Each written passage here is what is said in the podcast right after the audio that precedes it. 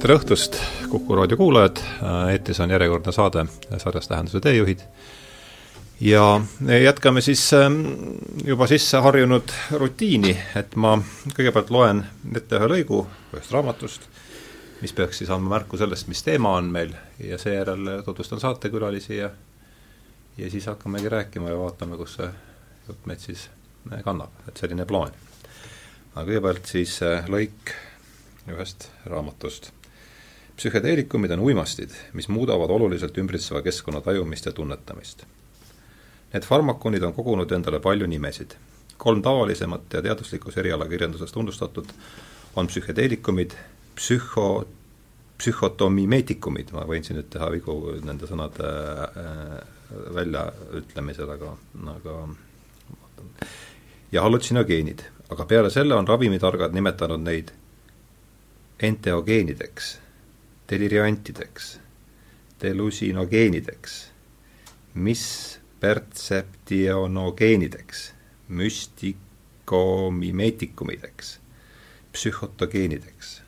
fantastikumideks, illusogeenideks, entaktogeenideks, skisogeenideks,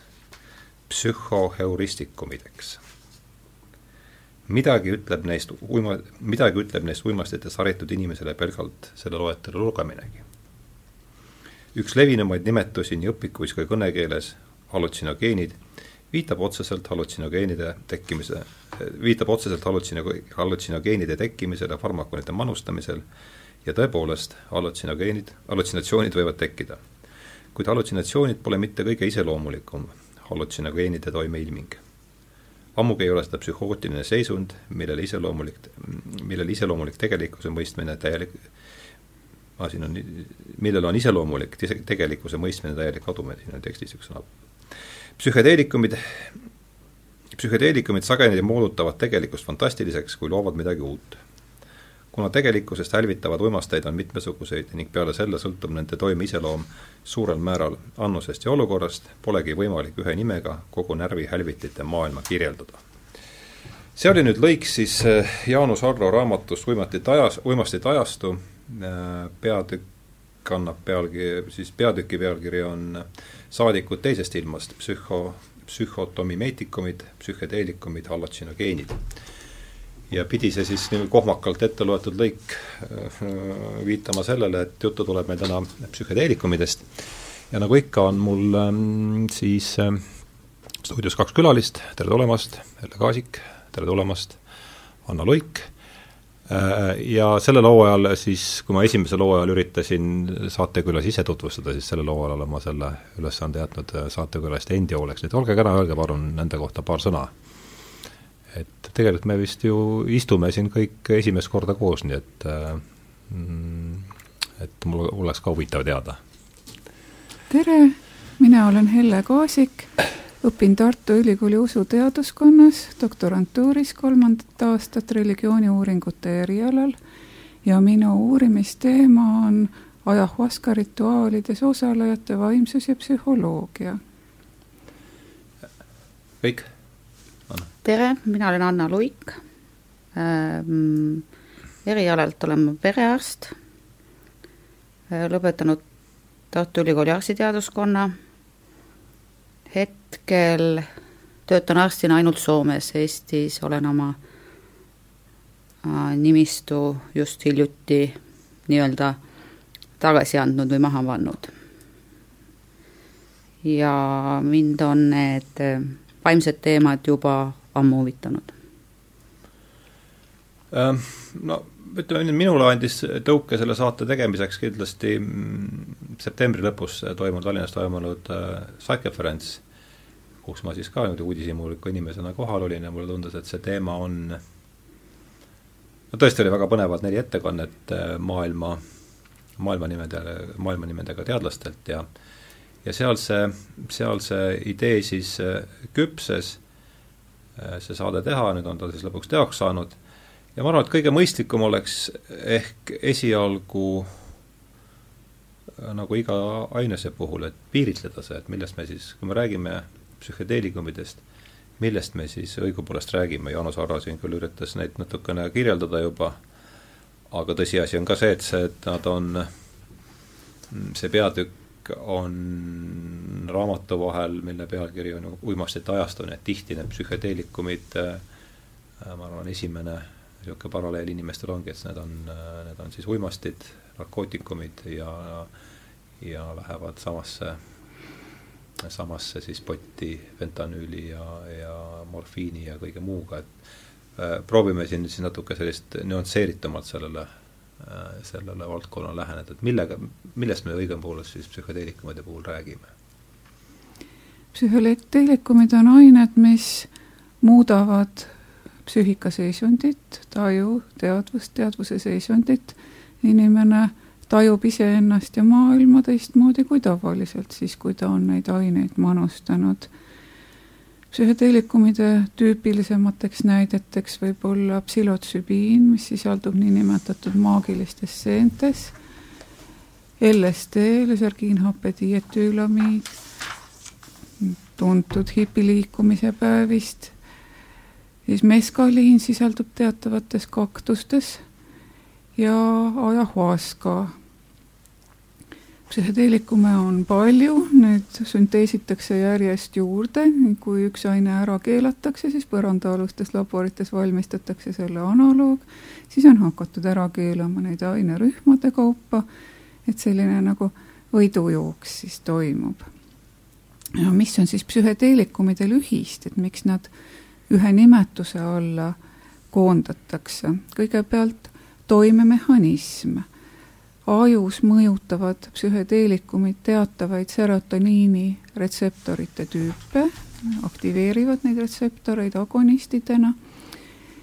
Ja toime, mida inimene tajub, on üpris sarnane, nendel ainetel on nii-öelda ühisosa on nendel toimetel, igaühel on, on omad eripärad sealjuures, räägitakse hallutsinatsioonidest, nimetatakse psühhedeelikume hallutsinogeenideks mis tegelikult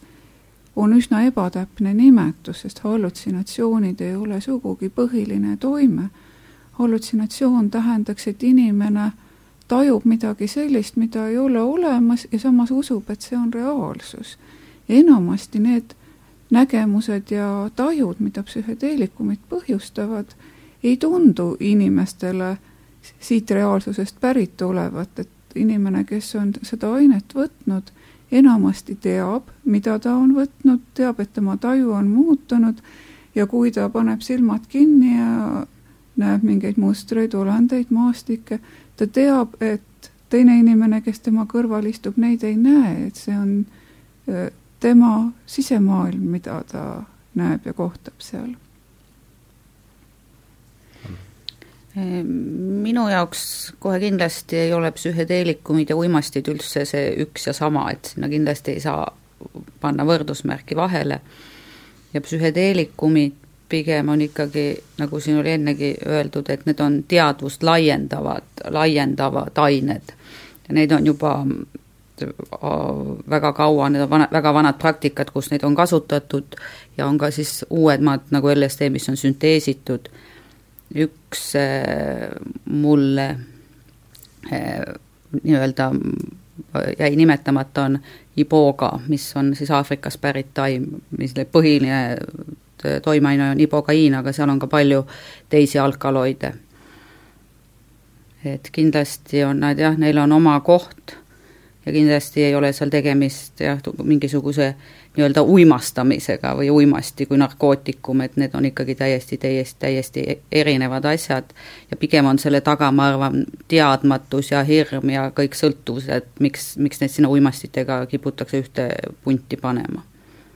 et selles suhtes see konverents, sügisel olev kon-, olnud konverents oli tõesti äh, väga suur samm nagu nend-, selle psühhedeelikumide teadvustamisel või jah et ma ka osalesin seal ja mulle, äh, ma väga nautisin neid loenguid. aga mm, järsku nüüd siis äh, teeks nüüd ühe asja äh, kuulajatele kohe selgeks, et kui me räägime psühhedeelikumidest, siis me ei räägi opiaatidest, me ei räägi fentanüülist, me ei räägi äh, heroiinist. et teeme siin nüüd, teeme siin mm -hmm. nüüd mhm. selle vahe kohe äh, kiiresti äh, selgeks, et mis, mida teeb üks, mida teeb teine psüühikat mõjutavad ained võib väga laias laastus jagada kolme rühma.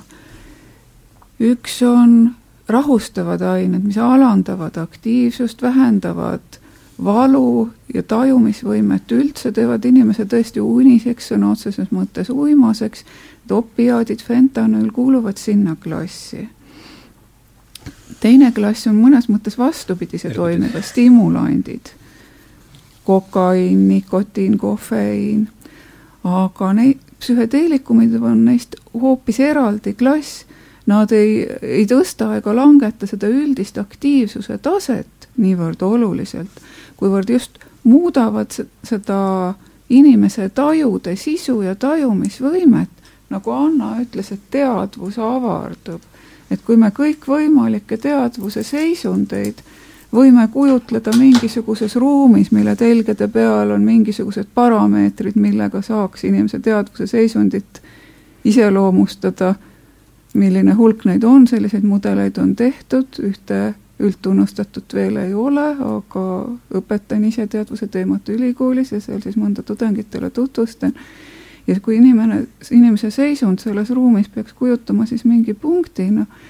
siis psühhedeelikumide mõjul võib see punkt rännata selle ruumi piirkondadesse, kuhu ta muidu ei satu.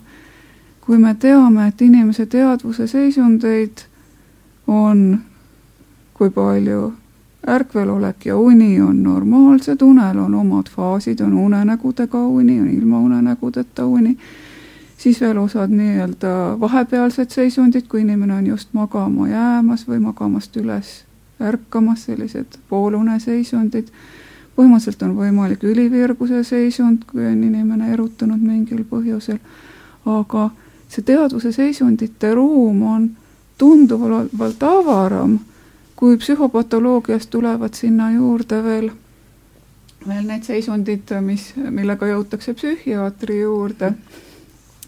siis tegelikult on neid võimalusi, kuidas inimene ennast ja maailma tajuda saab palju rohkem.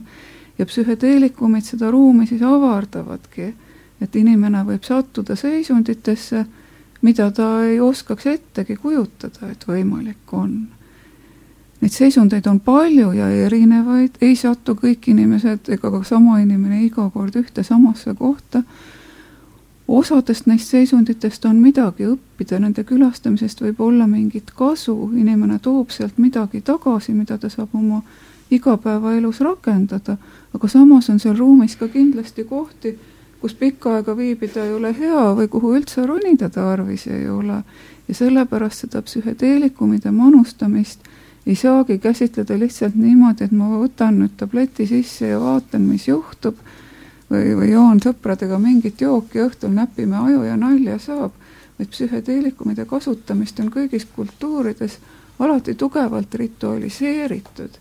ja see rituaal peaks sinna juurde andma siis selle suuna, mis suunas siis sellest tavapärastest piirangutest vabanenud teadvus liigub kuhu poole selles ruumis ta liikuma hakkab. ja et ta siis teeb oma rännaku selles piirkonnas, kus on midagi leida ja otsida ja lõpuks tervena tagasi jõuab tavaseisundisse.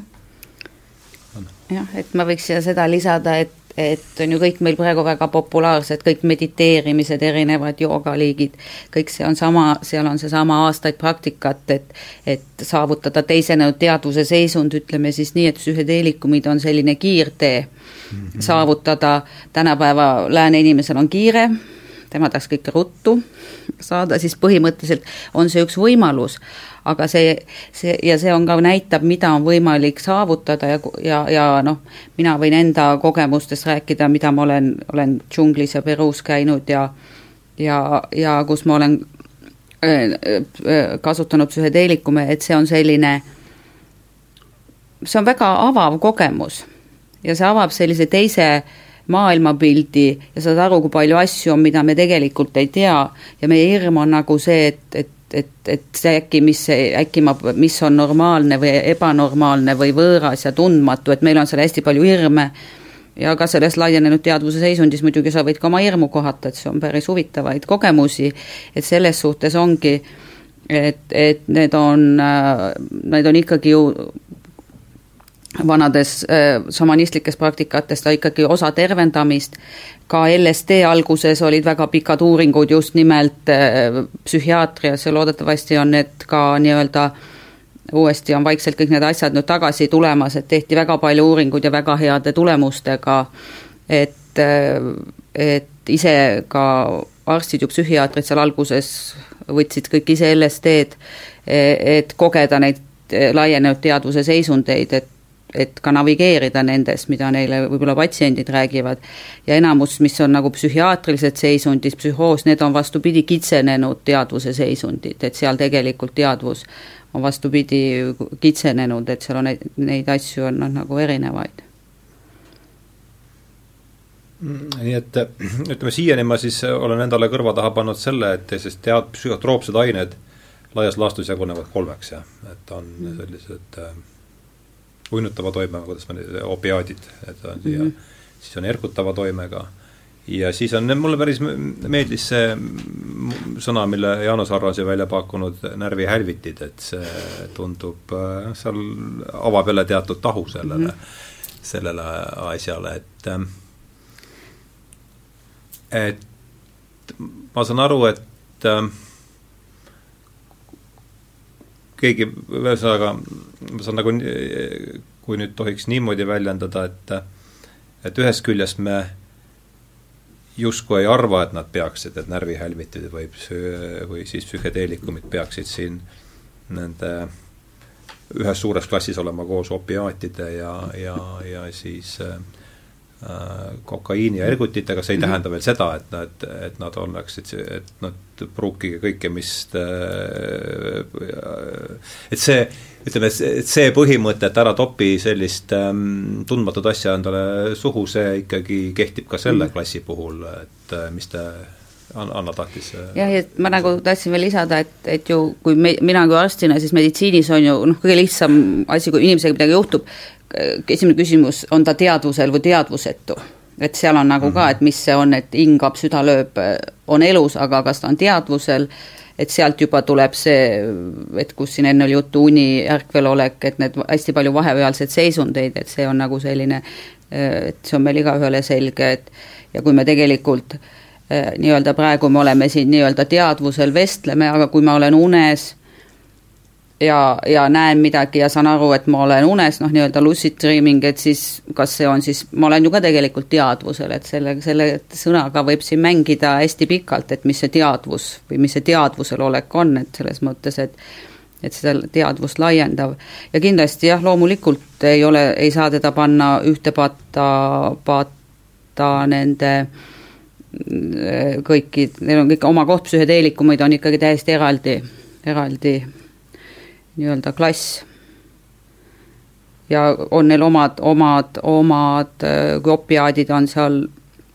valuravis ja ka hingamist pärssivad ja neil on erinevad ja, ja mida, kuidas kasutatakse, siis ju nii-öelda kanep on jälle tagasi tulemas valuravisse täiesti, oli just siin hiljuti konverents, kus ma kahjuks ise ei osalenud, oli kanep valuravis oli täiesti olemas, just siin paar nädalat tagasi oli konverents Tallinnas kuhu, ütleme, kui me need, võtame need kolm kategooriat nüüd, see siis rahustid, ergutid ja närvihälvitajad, et kus, kus kanep selles, kui kanepi jutuks tuli, et kus kanep selles, selles rühm, nende, nende kolme rühma piires võiks mahtuda? ta pigem erguti või, või siis ütleme, rahusti siis? Teda ongi keeruline klassifitseerida, sellepärast et kanepisorte on erinevaid, seal see DHC, see nii-öelda keelatud toimeaine ei ole sugugi mitte ainukene, seal on hulk teisi aineid, erinevates sortides on erinevate ainete sisaldused erinevad, kanepist on aretatud uusi nii-öelda kangemaid sorte ja erinevad kanepisordid mõjuvad inimesele ka erinevalt. et öelda, et vot kanep kuulub nüüd kui taim kuulub nüüd ainult ühte liiki neist, mõnda inimest kanepi suitsetamine rahustab, mõni inimene muutub ärevaks, vastupidi, saab paranoia ja põhimõtteliselt, kui, kui teatavaid kanepisorte, kus DHC sisaldus on kõrge, palju doseerida, siis võib ka nägemusi näha. otsapidi ka psühhedeelikumide hulka? jah, teatavad psühhedeelsed omadused on tal ka olemas. See kolmene jaotus tegelikult on igal ainel ju ikka oma mõju, oma retseptori profiil, millistele retseptoritele ta mõjub, milliseid ta aktiviseerib aine mõju sõltub koostoimetest, teiste ainetega sõltub inimesest, olukorrast, milles tarvitatakse, et see, et me paneme nüüd kõik ained kolme kasti ja, ja usume, et ja nii ongi kõigi inimeste ja olukordade jaoks, see on väga lihtsustatud ja jäme lähendus mm. -hmm et jah, ma nagu jätaks ka üldse selle liigitamise, et seal on, selleks on teised instantsid, kes panevad ja eks need, ja loomulikult, kui mingi, mingi aine läheb nii-öelda ravimiregistrisse, siis talle antakse sinna, aga seal on isegi ka, kui seal on ka muud antidepressandid ja muud, seal on ka sarnas, seal on ka erinevad jaotused, et, et, et mis nende toimemehhanismide järgi, et seal on palju variante. ja mind see, et minule lihtsalt pigem sobibki see, et need on psühhedeelikum kui teadvust laiendada täiendav aine ja kindlasti ei ole ta, ta uimasti. Ja sellest nagu noh, kui öeldakse, et noh, et igast asjast on võimalik sõltuvuks jääda, sest noh, tõesti, ma tean inimesi, noh, seal nii mõnigi, eh, kes on seal ajaskat, et nad on seal tuhat korda teinud ja rohkemgi korda teinud, et kas see siis on sõltuvus või ei ole, et igast asjast põhimõtteliselt võib, raamatu lugemisest võib ka sõltuvusse jääda, kõigest saab sõltuvusse jääda, et mis mis, mis, mis on sõltuvus, siis selle kallal võib, iga asja kallal võib diskuteerida, aga põhimõtteliselt nad ei et kui on nikotiin ja nikotiiniretseptorid ja alkoholist ja alkoholisõltuvus, siis seal on nagu suhteliselt on ikkagi selged kriteeriumid sõltuvuse, sõltuvushäireid ja sõltuvust diagnoosida, aga on ka olemas suhtesõltuvus ja mis iganes sõltuvus, nii et see on ka selline libe jää, kuhu võib siis lõputult äh, jäädagi diskuteerima. No ilmselt üks äh, pott, kus nad koos on ja kus äh, suur osa selleks suhtumisest alguse saab, ongi see, et nad on ju kõik nii nende psühhedeelikumide toimeained kui ka siis äh, nende teiste mõnuainete toimeained on ju kõik äh, see pott, kus nad koos, kõik koos on, on keelatud ainete, keelatud ainete nimekiri, eks, et et ma ei tea, kas, kas me saame siit nüüd seda, see, see arutee võib end päris kaugele eemale mm -hmm. viia jutu mm, põhimagistraalist, aga et oskate te kuidagi põhjendada, et miks need, miks nad, miks nad sinna potti kõik kokku on sattunud, see, see esimene Schedule A või Schedule One või mis on see kõige, oli sedapidi vist või? et see Schedule One on kõige ohtlikumad ained, seal on ju nad kõik koos, eks äh, Eestis on äh, nimekirjad. oopium ja, ja DMT ja, ja, ja meskaliin ja kõik, et kas on mingi, kuidas teie seda põhjendate, et miks nad no,, miks nad seal kõik kokku on sattunud? no esiteks on see ju riigiti täiesti erinev, et see sõltub ju riigist. Äh, Iboga näiteks on Gabonis rahvusliku kultuuri osa kaitse all et seal ongi, et, et nagu see Ayahuasca Brasiilias. ja, ja ka näiteks ei po-, noh, et mis riigis ta on keelatud, kus ta ei ole keelatud, mõnes kohas on nad allistsoonis, mingites kohtades nad teeb nagu noh, kanep teeb nüüd, tuleb vaikselt jälle tagasi, et on lubatud, et see pigem on selline poliitilised otsused on need. See pigem on pigem poliiti-, minu jaoks on need otsused alati poliitilised, sest need on sellist teadvust laiendavad. äh, inimese teadlikkus suureneb, ei ole nii lihtsalt kontrollitavad, tavaline võimu ja manipulatsiooni teema on see tegelikult puhas. ja raha teema ka loomulikult, alkohol, ma arvan, kui noh, see on alati alkohol ja tubakas on selgelt teada inimestele kahjulikud, katsu sa neid ära keelata. ja miks peakski? eks seal ole jah, poliitilised ja ajaloolised põhjused, millises kultuuris mis aine on keelatud ja mis aine lubatud aga meil siin Eestis jah, psühhedeelikumid on keelatud ainete nimekirjas, nende tarvitamine ei ole lubatud, välja arvatud siis meditsiinilisel teaduslikul otstarbel. erinevates riikides on seadused erinevad ja, ja nende seaduste kujunemislood on erinevad, tugevalt seotud traditsiooniga ja siis on veel see, et toimeaine võib olla keelatud ainete nimekirjas, aga taim mitte, kas siis taim on keelatud või mitte, kas sellest taimest tehtud tee on keelatud või mitte, et läheb väga juriidilistesse peensustesse. ja hoopis teine asi on jälle praktika, eks ole, osades riikides on niimoodi, et kanep oleks just nagu keelatud, aga tegelikult võib üsna avalikus kohas kanepit suitsetada ja keegi reatarbija kallale küll ei tule. ka meil Eestis siin hiljuti tehti eksperiment televisioonis, kuidas eetris saatejuhid panustasid LSD-d ja imestasime, et kuidas politsei seda lubab ja politsei kommenteeris, et ei, et selliseid tavatarbijaid me ei kimbuta, meid huvitavad need, kes suuri koguseid liigutavad ja mm. müüvad. see vist tundub olevat üldine praktika, jah. aga võib-olla jällegi siin ei tahaks ähm, ei, me ei saagi siin väga sügavuti minna, aga aga see, kuivõrd see retseptorite teema siit juba läbi käis, et siis järsku vaataks seda füsioloogilist poolt siin ka, et üks asi, mis mul äh, jäi seal det-, septembrikuus toimunud konverentsil kõrva, et äh,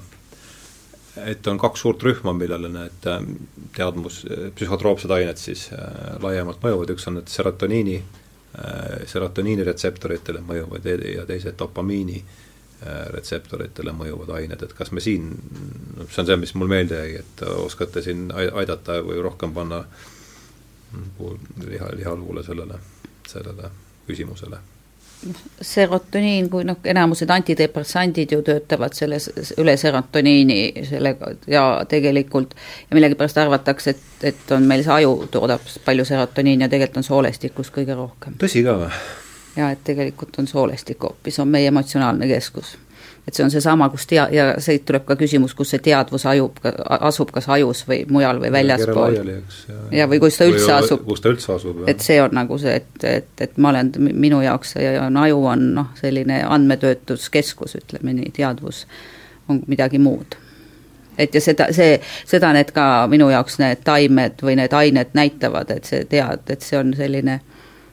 lõputu, lõputu diskuteerimise küsimus, aga kindlasti aju on pigem selline andmekeskus, kus saab töödelda informatsiooni töötlemis. ja hästi treenitav selle koha pealt, aga teadvus on midagi muud. et on ikkagi pigem signaali vastuvõtja siis, ja. kui, kui see jah et noh, seda on tänapäeval, kui selle kohta nagu on ka päris palju erinevaid juba teaduslikke muid, muid äh, on, leiab, kui guugeldada ja otsida seda infot, et et see on nagu jah, et, et, et serotoniin on väga oluline ja dopamiin, aga, ja aga, aga jah, et need, et mis seal tegelikult ka kõik toimub, et seda, seda ei tea päris üldse, ma mäletan oma biokeemia eksamist ülikoolis, kui ma seal neid joonistasin, neid asju ja siis professor ütles lõpuks, et ma enam-vähem sain ikkagi hakkama, see indeks neljas ütles, ega seda ei tea vanajumal ka, kuidas see tegelikult käib. Öeldi mulle eksamil. nojah, see on niisugune Kanti filosoofiaga ju kooskõlas see, mis professor ütles on palju asju, mida me ei tea, aga see ei tähenda, et ei peaks püüdma teada saada mm. -hmm. hiljuti ilmus üks teadustöö, kus erinevate psühhedeelikumide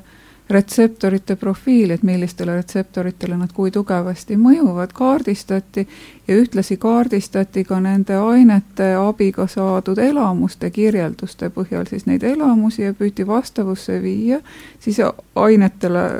omane retseptori profiil ja et milliseid elamusi, noh siis sisuanalüüsi meetodil analüüsiti neid kogemuse kirjeldusi, et millis, millistele retseptoritele millised elamused vastavad. et see võib olla küll esimesed sammud selle mõistmise teel, milliste klahvide vajutamine mm -hmm. ajus, milliseid kogemusi põhjustab, igasuguseid meetodeid on ju aju uurimiseks ja. teada on, et noh, näiteks elektriline ärritus eeldus on praegu see, et teadus on ikkagi ajus vähemalt kindlasti aju mõjutab teadvust. aju mõjutamisega me saame teadvust mõjutada. ja seda saab mõõta, tänapäeval on just, et seal on, ja on palju uuringuid just ju nendel, saab nii aju, noh, kas või alata, alatades nendest EEG-st, ajulainetest, meditatsiooni erinevate ainete, kuidas toimib magnetiga, seal on värvi kõik, mis, mis, milli-, millal, millised aju, ajuosad toimivad, et on väga palju uuri-, uuringuid on iseenesest ja see on väga, väga laieneb kogu aeg, need uuringud. minul ei ole midagi selle pildi vastu, et teadvus on aju toimimine nii ehk teisiti, kui teadvus oleks ka kuskil mujal, siis tekiks ju küsimus, et kust mujalt ta tuleb ja mis seal mujal siis on ja kuidas see suhtlemine selle mujal -hmm. olevaga toimib. et ka see on väga imeline, kui ta ongi ajus ja, ja ongi biokeemia. jah, sest ju tegelikult on see keha, hing ja vaim ja eks meil on niisugused huvitavad väljendidki eesti keeles nagu vaimuhaigus ja hingehäda ja vaim tuli peale ja hing on haige ja et me kasutame neid sõnu ka väga omapäraselt, et, et, et noh, minu jaoks on, et ja, ja see tänapäeva meditsiin on väga kehakeskseks läinud, et siis, siis ongi ja, ja miks need nii-öelda psühhedeelikumid, LSD ja psühhotsübiin ja neid uuesti nagu hakkavad, on meditsiiniuuringuid, sest elu näitab, et on ikkagi palju asju, mida me ei os-, me tegelikult ei tea, kust need haigused või asjad tulevad ja me ravime nii-öelda ainult sümptomeid, hoiame neid kontrolli all, aga põhjust me välja ei ravi. et praegu on väga palju uuringuid, nagu meditsiiniuuringuid tulemas, on töö, on töös. Psühhedeelikumidega jah, raviks ja ja, ja peavalud ja migreenid ja depressioon ja seal on erinevaid on praegu, on, on töös. ja esimesed nii-öelda positiivsed tulemused on minu teada juba olemas ka. on olemas mm.. on projektid psühhotsübiiniga alkoholismi raviks, ajahuaska ja psühhotsübiiniga depressiooni vastu äh,, raskete eluohtlike haigustega kaasnevate ärevuse vastu mm, -hmm. MDMA-ga, mis ka mõnes mõttes psühhedeelikumide alla kuulub, üritatakse ravida traumajärgset stressihäiret, Ameerikas mm -hmm. on, on suured kliinilised katsetused ja. käimas ibokaiin on ka sõltuvus just eh, sealt nagu puhas, puh-, ja iboogast nad on seal puhastanud nagu, nad kasutavad nii seda kogu taime, kus on rohkem või ka siis on sünteesinud puhast ibokaiini, et seda nagu kasutatakse hästi just sõltuvus. ibokaiin on siis see toime, toimeaine? üks nendest, tal tegelikult on rohkem, aga see on see põhiline jah, et sel-, seda on täitsa sünteetiliselt ja see, seal on samamoodi, et just, just raskete sõltuvushäirete ravis nad kasutavad. et ja, ja et, et see noh, et see, kuna, kuna elu näitab, et kui, kui sa töötad äh, arstina ja näed, et sa tegelikult äh, mingeid asju sa ei suuda nagu inimest aidata, siis on, selleks ongi teadus ja uuringud ja kõik need, see on suurepärane, mis toimub, et kõik, kõik need omavahel nagu ja ka need vanad traditsioonid, äh, et võetakse sealt need teadmised, mis on ammu-ammu sajandeid olnud, kui, kui lühike on meie nii-öelda tänapäevase meditsiini meditsiini nagu ajalugu. nagu lühike on üldse teadusajalugu võrreldes sellega, mis siin on, eks äh, olnud, olnud, et kui me seda Newtoni aega paneme, siis see on ikkagi ju selles mm -hmm. evolutsioonilisel skaalal on see ikkagi üks äh, ju mm -hmm. klõps ainult mm. -hmm aga ma ei, ma ei tea, mis teile sellest ähm, septe-, septembri kogunemisest seal meelde jäi, aga noh, mulle lõpuks jäävad ikkagi mingi paar lauset, aga et siin, kui tuli juttu taimede keelamisest, siis ma ei tea, kes seda ütles seal, et et noh, meil siin on probleem, no ta vaata, viitas küll rohkem, vaatas vist ilmselt Ühendriikide seisukohast, et no meil on siin ilmselge probleem oma ühiskonnakorraldusega ja meie lahendus on see, see, see, et me tormame Boliiviasse ja hakkame kokapõõsast nagu üles kiskuma. et see nagu kuidagi ei tundu mulle väga niisugune mõistlik või no, et see võttis kuidagi minu jaoks mingi pildi selle see on nagu suhteliselt absurdne pildik, et ma ei oska, oskate siin võib-olla midagi see, kas oskate ka kommentaarile kommentaariga vastata pigem mm? -hmm või märku, vahemärkusele vahemärkusega, et see ei olnudki niivõrd küsimus, aga see on üks asi, mis mulle sealt äh, ja, meelde jäi. noh, minu jaoks on see jah, see selline, ongi see, see meie selle maailma niisugune veidrus, et endal on asjad korrast ära enda õue peal, aga siis lähme teise õue peale, et arvame, et sealt on see põhjus tulnud, et võib-olla see, põhjus ei ole mitte meis, vaid taimes. jaa, just, et vaataks, miks jah, et seesama, et või läheme kuskile kultuuri või midagi viima või teadmata, et selles mõttes on et ma siin enne jutuks, et on üks huvitav, et mulle hästi meeldis, on see Ken Wilberi raamat, see kõik see lühilugu, kus on need etapid, kuida-, kuidas ühiskonnad, kuidas need asjad arenevad, et me ei saa minna äh, et, et, et, et, et see on nende kultuur ja see, et meie ei oska nende taime eh, kasutada, kui näiteks Peruusse minna, Cusco linna, siis see linn on, on ju kaks tuhat kuussada meetrit üle merepinna, seal võib täiesti vabast tulla mäestikuhaigus, igas hotellis on sul kokalehed, sellest võid teed teha see on täiesti, kuivat, see on, maitseb nagu roheline tee, no vabalt sul seal saada, sest see kokalehtedest tee aitab mäestikuhaiguse vastu. sa võid neid sealt ka osta, närida neid põske, suhteliselt mõru maitsega ja põsk läheb mingi aja pärast tuimaks see lihtsalt aitab selle vastu ja me küsisime oma selle giidi käest, ütles, et noh, et kui nüüd ikka noh, kakskümmend neli tundi seda võib-olla seal põses nätsutada, et võib-olla siis lõpuks hakkad midagi nägema ka. Aga, aga põhimõtteliselt see on nende jaoks ta-, nagu meie joome Pärna-õie teed ja palavikuga ja, ja, ja muid, nende jaoks see oli täiesti see, et, et, et, et see, et ameeriklane selle, seda kasutada ei oska, on tegelikult äh, tema mure ja kui on turgu, siis on tootmist ja nii need asjad nagu käivad, et jah, et põõsast jah, et tee, tee oma õue pealne, pühi oma trepiesine puhtaks, siis mine teise õue peale näpuga näitama. nagu mõistlik mõte olema, aga ja. kõige naljakam on veel see, et see suur põõsa, põõsaste kitkumise juurde käib veel niisugune äh, plara sellest mitmekesisusest ja selle mm -hmm. olulisusest veel sinna juurde, et jah, et säilitame ja jah, aga siis aga jah, et see on seal kultuuri osa täiesti ja nende jaoks täiesti, täiesti tavaline taim ja, ja, ja jah, et see, need kokalehed olid seal täiesti, see oli väga, väga, väga, väga hea, maitses täpselt nagu roheline tee. No nii, aga me olemegi jõudnud sinna Ladina ähm,, Lõuna-Ameerika kanti ja, ja te olete mõlemad seal äh, käinud. Ja ja üks vahejäreldus või ütleme siis, kui järsku nüüd on, kui oletame, et esimene kolmandik jutuajamisest hakkab vaikselt läbi saama et et siis äh, üks vahejäreldus, mis mina enda jaoks olen teinud, et need äh, psühhedeelikumid on siis noh, jääme praegu selle, kuidagi me peame seda maailma klassifitseerima, muidu me ei saa siin edasi ega tagasi selle aruteluga, et kui meil on er-, närviergutid, närvirahustid ja siis need äh, närvihälvitid või psühhedeelikumid ja, ja noh, korduvalt on tänasest jutuajamisest läbi käinud see, et see kolmas rühm on siit eraldi. Äh,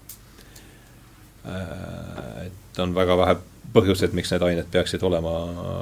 oopiumi ja teiste fentanüüliga ühes nimekirjas, siis kummatigi sellest ei saa veel järeldada seda, et nüüd peaks, äh, et neid aineid võiks, et nende ainete tarvitamisega ei, ei kaasne omad ohud. ja, ja nagu siit ka läbi käis, on see, et et kõikides kultuurides on seda laadi aineted alati olnud rituaalselt reguleeritud, et võib-olla avame selle äh, vest-, vestluse osa, kus me, kus teil mõlemal on mm, isiklikke kogemusi selle, äh, ma küsin, kas on? Ja, ja kui on, et siis, et, et kas räägiks natuke sellest rituaalsest poolest, et see viib, sest mulle tundub, et see on, et see psühhedeelikumide, psühhedeelikumid on üheks punktiks, kus saavad kokku väga mitmed asjad alates teadusest, erinevatest ühiskonnakorraldustest, erinevatest mm, arusaamadest sellest, mis üldse õues toimub. et räägime võib-olla sellest rituaalsest poolest, et äh, alustame Ellest siin, et te ju, või sa ju oled uurinud, äh, no see on su doktoritöö teema, kuidas see, kuidas see kogu see asi seal siis äh, toimub? jah, see aine, mida mina uurin, ajahuaska. see on põhimõtteliselt kange tee, mis keedetakse kokku kahest taimest, Amazonase kaapiväet ja nägemuse rögajuur, need kasvavad Amazonias. Neil on selline huvitav omadus, et kumbki omaette ei anna psühhedeelset toimet, aga see psühhedeelne toime, mis sellel pühal joogil on, tuleneb nende taimede sisalduvate ainete koosmõjust ja kuidas need inimesed selle avastasid, need Amazonia põliselanikud, kui neilt küsida, siis nad ütlevad, et taimed ise õpetasid. aga liigirikkus on seal tohutu ja kuidas nad oskasid just need kaks taime välja valida, ega see ajalugu teada ei ole, sest et üles kirjutatud seda ei ole, kuidas ajahuaska avastati. et ega seda täpselt ei saagi siin nüüd öelda. Aga kasutatud on seda siis ravimiseks, diagnoosimiseks, äh, teispoolse maailmaga, vaimudega ühendusse astumiseks, informatsiooni saamiseks. Ja olid inimesed nendes äh, hõimudes, kes tundsid seda kunsti, kuidas nende ja teiste taimede abiga vaimse maailmaga suhelda ja, ja sealt äh, teisest maailmast seda tarvilist tarkust oma kogukonna jaoks tagasi tuua. siit meie kultuuri poole pealt on neid hakatud nimetama šamaanideks, seal kohalikud äh, sõnad curandero, ravitseja, ayahuasquero nagu ayahuasca spetsialist, et neil olid omad nimetused, aga see ayahuasca on tänapäeval nii moodi läinud, üle maailma levinud ja tseremooniaid korraldatakse igal pool, mitte ainult seal, kust, kust nad pärit on, siis Amazonia vihmametsades, vaid ka Brasiilia linnades üle kogu Lõuna-Ameerika, sellest on saanud paras äri USA-s, Euroopas, et see on nagu selline paras moeasi, räägitakse psühhedeelsest renessansist, et viimase kümne aasta jooksul on teadus arenenud, on hakanud uuesti avanema võimalused teha teadusuuringuid psühhedeelsete ainetega, aga samas on kohe jaol ka inimesed, kes näevad selles enda jaoks teenimisvõimalust ja koos selle psühhedeelia teadusega hakkab ka see psühhedeelia teenuse pakkumine käima ja seal on ka see noh, mõlemad pooled, nii valguse kui varju pool olemas. nojah, see, ma kujutan ette, et osa seltskonnast ja võib-olla mitte alati ta ka päris alusetult tahaks panna selle psühhode-, kuidas te ütlesite, psühhode- või kuidas te ütlesite, psühhedeelse teenuse pakkumine panna narko, narkokaubanduse äh, alla ja ja nagu me siin eel, eelpool juba jõudsime järeldusele, et need piirid on, on, on tõepoolest äh, üsna noh, ei ole niimoodi mm. joonlauaga väga veetavad, aga Anna jah, et ma võiks veel seda, et, et seal on kindlasti jah, omad riskid, et esiteks, kui ma mina käisin Peruus, Iquitoses, sel-, noh, lendasime ja sealt läksime siis veel kolm tundi mööda Amazonast üles Shipibode, me käisime Shipibode hõimu juures tegemas siis äh, tseremooniaid. et siis juba sellest, et ma läksin, see grupp, mis kokku pandi, oli öö, üks ütleme iseenesest see šamaan, ta nimetab ennast ikkagi šamaaniks, ta on Uus-Meremaalt pärit kes selle grupi kokku pani, see oli täiesti teadlikult äh, kogu no grupp, meil olid intervjuud enne, miks me sinna läheme, meil oli ka terviseküsimustik, et ikkagi välja selgitada terviseriskid ja asjad, et me ei läinud sinna, näiteks noh, ma, mina teadlikult, et, et sa pead teadma, miks sa lähed, mida sa teed, et see ei ole niisama, et ah, proovime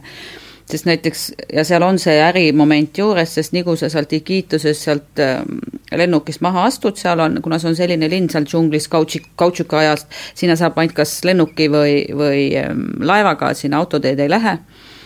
siis lennu, lennujaamas on sul kohe tuktuki mehed vastas, see on selline kummalise energiaga linn ja kah kohe hakkavad nad sulle pakkuma nähes, näed välja ju täiesti turist, ajavahe on ka olnud, tuled sealt välja, kohe on esimene asi, kas soovid ajuvaskat või siis oli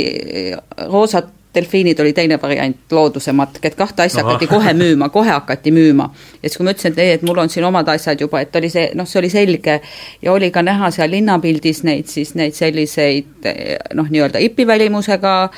Euroopa ja muu maailma inimesi samas hotellis ma nägin ka siis noori ameeriklasi, kellest siis üks noormees, tunduvalt ülekaaluline, arstina ma nägin, et tal oli ühe jala peal, oli see nii-öelda see veenisukk, et olid tal mingid veeniprobleemid, suits oli tal hambus, tema, kuna seal on spetsiaalne dieet ja suhteliselt on seal ka need toitumispiirangud enne isegi selles Kiituse linnas, kui sa lähed kohvikusse või restorani sööma, seal on ajuaska dieet kohe, kus puudub sool, lihad, piimatooted, et see on täitsa menüüs olemas, aga see no meesterahvas, tema ei suutnud seal džunglis nii kaua olla, sest tema tahtis juustuburgerit ta tuli sealt ära, ta ei ka, ei talunud seda. no hea, et ta sealt ära tuli, sest arstipilguga ma vaatasin, et ta võib-olla oleks võinud natuke õnnetumalt seal lõppeda. sest kui seal on, sinna alati käib juurde see ütleme ikkagi teatud paastumine ja muud terviseasjad, sa oled seal džunglis, lähed sinna mitmeks nädalaks, igasugused foobiad, asjad, et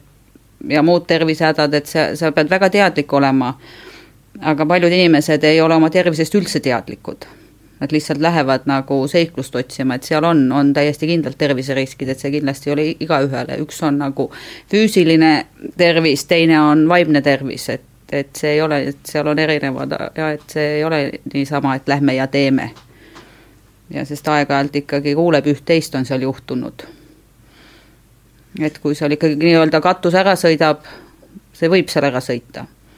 ja siis, ja nemad seal kohapeal suhtuvad nendesse asjadesse teistmoodi ja mis tuleb nagu, et kus need taimed,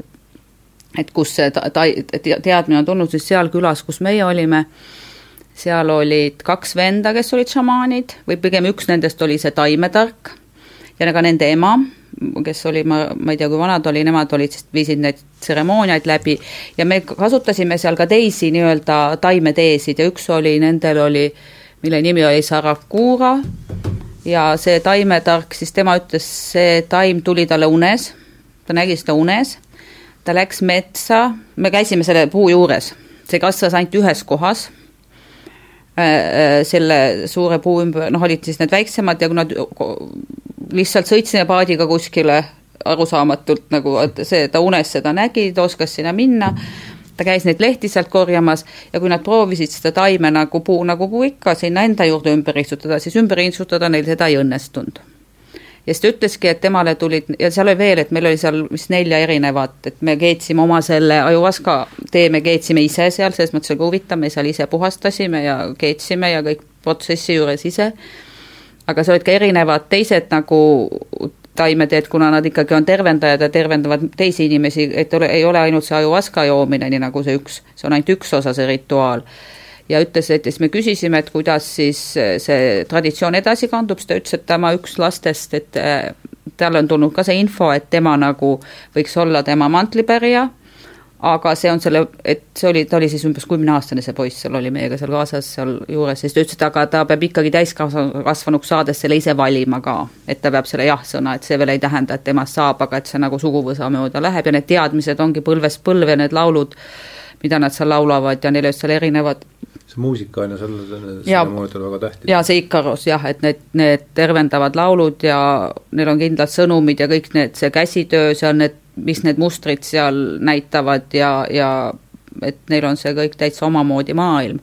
aga noh, kurb oli jälle vaadata, et nii nagu sellest tuleb nii-öelda väike nagu äri, siis ka see läänemaailm imbub sinna, sellega koos tuleb raha, siis neid huvitavad ka kõik see lääne maa, noh niimoodi maailm, et kui sinna Iquitusesse minna, siis Amazonas olid plastikpudeleid täis, sest kõik ju visati, mis üle jäi, visatakse ju jõkke, aga no tänapäeval materjalid enam ei, ju ei lagune, et see oli, see, mis seal linnas oli, oli päris kurb. Hmm. et see oli selles mõttes päris kurb, et mida, noh, seda nagu näha, et kuidas siis see, et mis osa võetakse nagu Hiina rämpstooteid ja seda oli seal ka kõike aga kuidas sa üleüldse sattusid, see, ega see noh, ei ole kõige, lihtsalt ei ole kõige selline, kui doktoritööd valik tuleb äh, usuteaduskonnas, siis ajavaska tseremoonia tõenäoliselt ei ole esimene niisugune teema, mis siin pähe tuleks tegelikult see asi ei olnudki niimoodi, et ma nüüd tahtsin kangesti usuteaduskonda õppima minna ja siis hakkasin endale teemat valima. asi oligi niimoodi, et ma tahtsin tegeleda selle teemaga kõigepealt ma tegin sel teemal magistritöö psühholoogiateaduskonnas ja siis nüüd, nüüd uurin sama teemat edasi usuteaduskonnas juba kvalitatiivsemate meetoditega, teen inimestega intervjuusid, et inimesed räägivad oma sõnadega oma kogemusest, mitte ei täida psühhomeetrilisi teste, nagu mul magistritöö ajal oli. et tegelikult ma otsisingi oma teemale kohta, kus ma saaksin sellega tegeleda.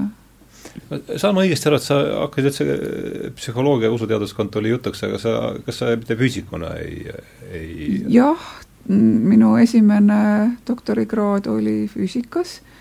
ja töötan praegugi teadurina Füüsika Instituudis. ja olen vastanud sedasorti küsimustele, et oma elu esimese poole tegelesin materiaalse maailma uurimisega ja nüüd olen juba selles eas, kus tahaks ka sellest vaimu ja hingemaailmast rohkem aru saada selle ühe lühikese elu jooksul. ja siis need huvid, mis, mis mul tegelikult olid juba lapsest peale teadvuse, teadvuse võimalike seisundite, võimalike kogemuste vastu viisid mind psühholoogiat õppima. ja ma lootsin sealt leida vastuseid oma isiklikele küsimustele selles osas, et millised teadvuse seisundid on võimalikud, kuidas neid kogeda, kuidas nad tunduvad. aga,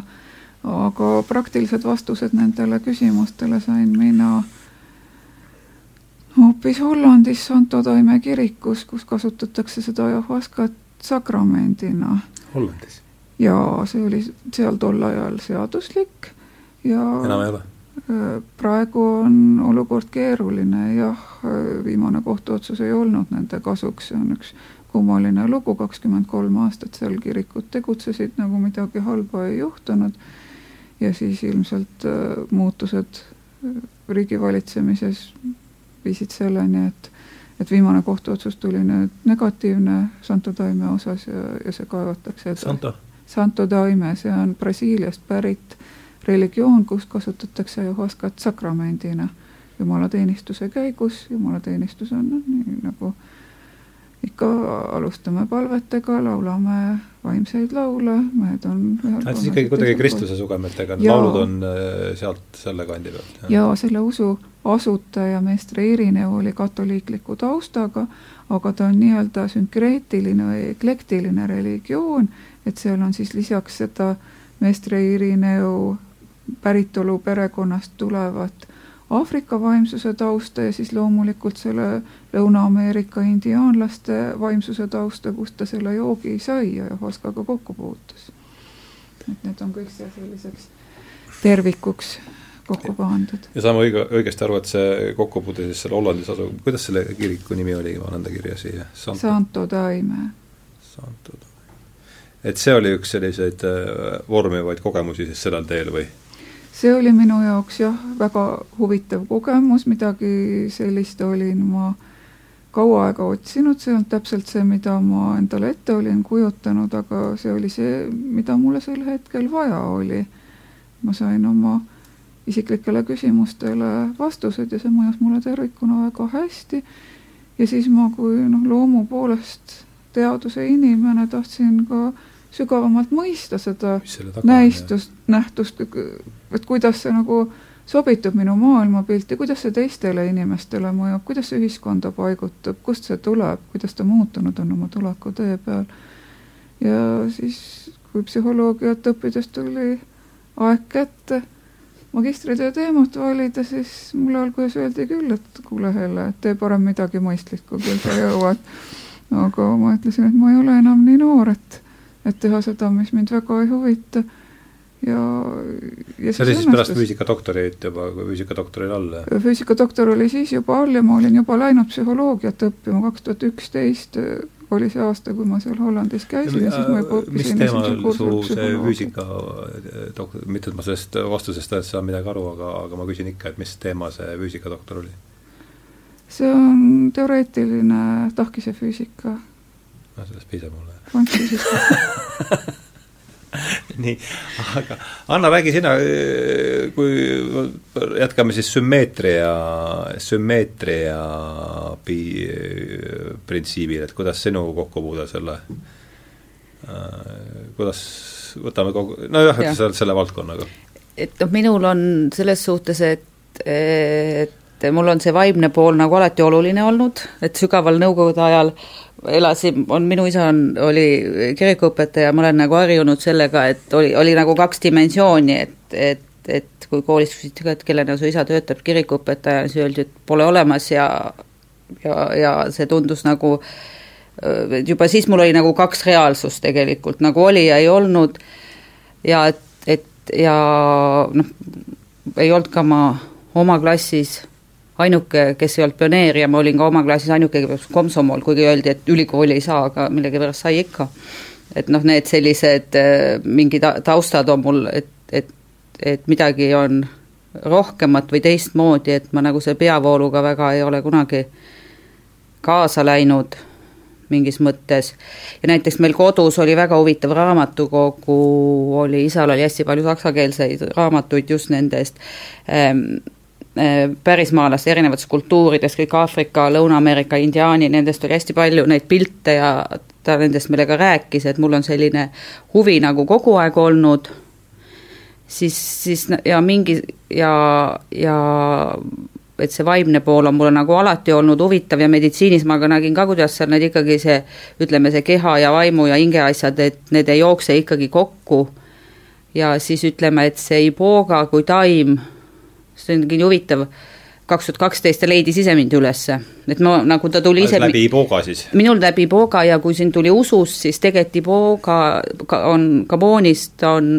on ka usk, on religioon Vuiti, mis on siis segu kristlusest, seal ongi see animism, ta, sinna käib see taim juurde ja ja, ja, ja see, et see on nende nagu üks kolmest religioonist riiklikust Gabonis. et see on selline segu segu, et seal on selline initsiatsiooniriitus siis meheks saamise ja seal on see, seal on see kogukonnas väga olulisel kohal, see taim. ja minu üks väga hea sõber, kes elab välismaal, siis tema, tema kaudu tuli, tema tundis jälle šamaani, kes on Aafrikas seda õppinud ja sedakaudu tuli see taim minu juurde ja minu esimene oli, kogemus oligi selle ibogaga. Ja see oli väga, ütleme ka elumuutev ja see jäi nüüd mis aastasse? kaks tuhat kaksteist. et see oli väga-väga elumuutev selles mõttes, et see ja kui noh, siin on küsitud, et siis mu käest on noh, et, et iboogat peetakse selliseks, kui keegi noh, kes nagu teab neid psühhedeelikume, et kui ma ütlen, et ibooga, siis kõik on üllatunud, et teda peetakse nagu väga tugevaks või selliseks ohtlikumaks või, või kuidagi, aga mina, mul, minu kogemused olid sellega väga ka füüsiliselt ei olnud nagu rasked, et seal, et ma näiteks džunglis oli mul füüsiliselt ikka seda oksendamist oli tunduvalt rohkem või ma võin nagu enda pealt öelda. ja kui siis on küsitud, mis vahe nagu, et siis noh, keegi, keegi teine ütles mulle niisuguse samm, et siis see mulle, mulle nagu sobis, et et iboga nagu töötab rohkem nagu mentaalse tasandil ja võib-olla ayahuasca rohkem nagu emotsionaalsel tasandil, et nad natuke nagu, et neid ei ole nagu võimalik, noh, neid ei olegi võimalik võrrelda et mõlemad kogemused on nagu võimsad tegelikult mulle olnud. ja sealt siis tekkis ja sellesama, see, sealtkaudu tuli siis see, seesama inimene, kelle kaudu ma Iboga juurde jõudsin, temaga ka koos me pidime sinna džunglisse minema, aga siis mingi hetk, kui oli sinna Amazonas, siis tema ei sobinud ja lõpuks ma läksin sinna üksinda või noh, meil oli üks grupp, aga teisi ma praktiliselt seal grupist ei tundnud, aga et üks asi on viinud teiseni ja sealt tegelikult sedakaudu äh, ma olen nüüd jõudnud selleni, mille ma siin just sellel aastal nii-öelda nüüd ametlikult saan omale nii-öelda tunnistuse kätte, on holotroopne hingamine, mis on siis tegelikult äh,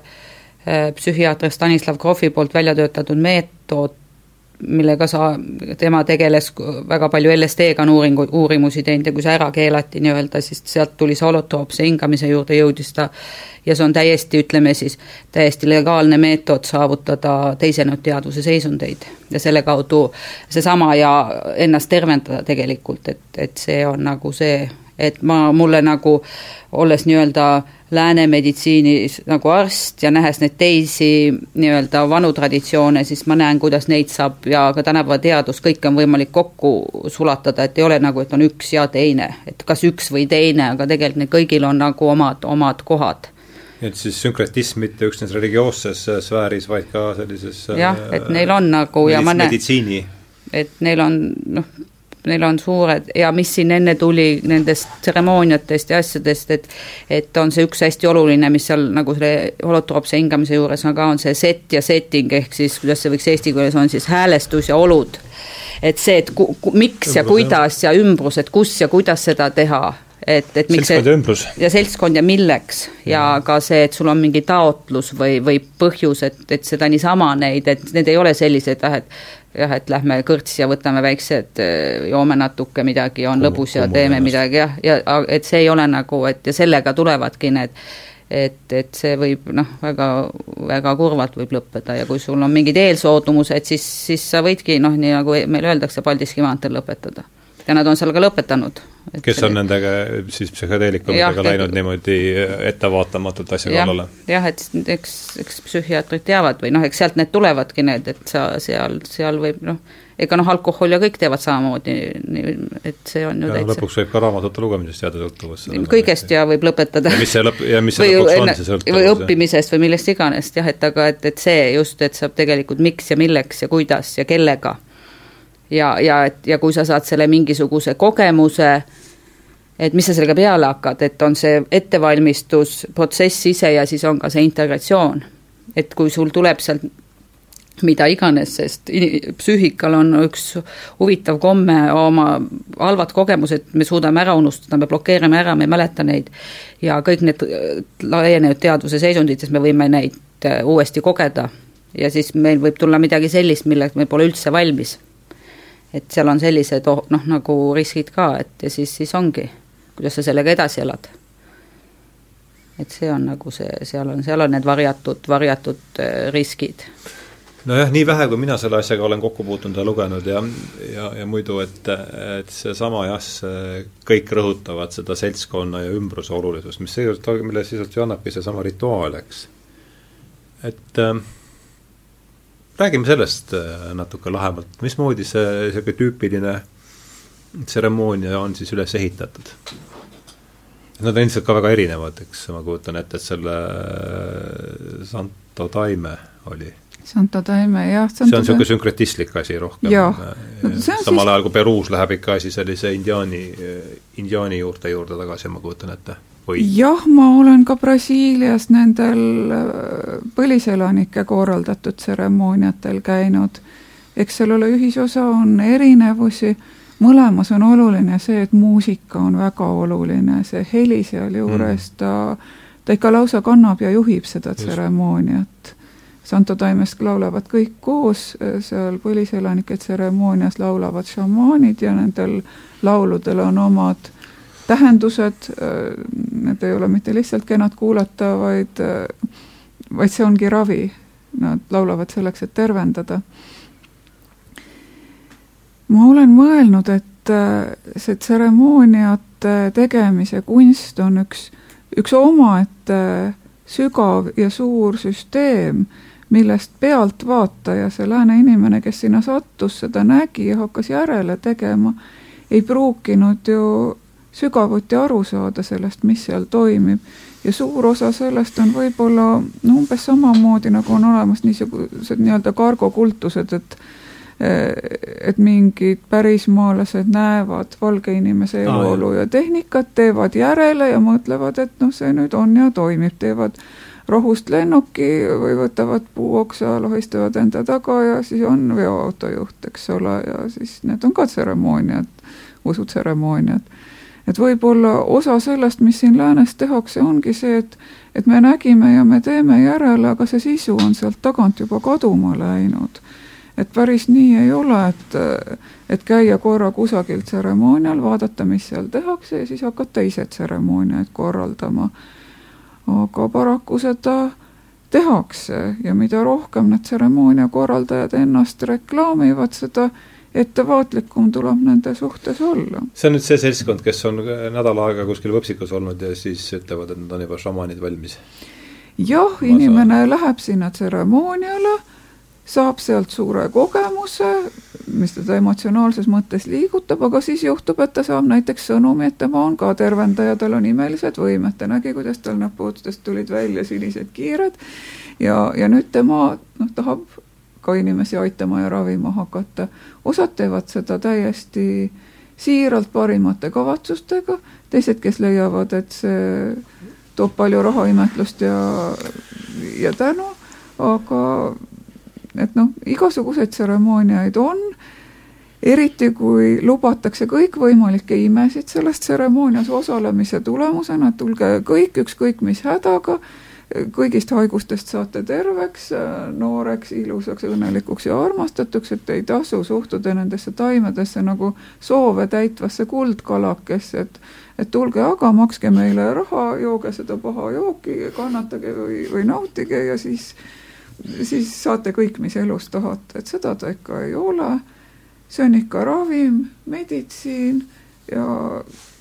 igal ainel on omad toimed, omad kõrvaltoimed konkreetsete asjade vastu õiges doosis, õigel hetkel õigele inimesele võib sellest abi olla,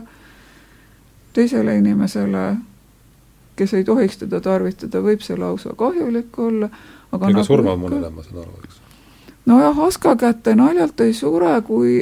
no inimene oksendab ta välja kui just ei ole koosmõju teatavate ravimitega, millega ei tohiks neid koos tarvitada või kui inimese üldfüüsiline seisund ei ole väga nõrk, või kui teda ei jäeta järelevalveta sellisesse seisundisse, kus ta endale aru ei anna, mida ta teeb ja kui ta läheb mis peaks sinna... rituaali puhul olema ju suhteliselt välistatud, eks, et keegi seal järelevalveta jääb. Jah, peaks valvatama korralikult, aga no samas, eks neid rituaale tehakse igasuguseid aga jah, et osadele inimestele võib neist rituaalidest abi olla teatavate hädade vastu, osadel inimesed ei tohiks seda pruukida ja enamikule inimestele, nagu enamike ravimeid, ei ole lihtsalt tarvis sellist asja teha. noh, mis sõltub nagu ravimist, et esimene asi ju, kui, kui ülikoolis, et farmakoloogias iga ravim on mürk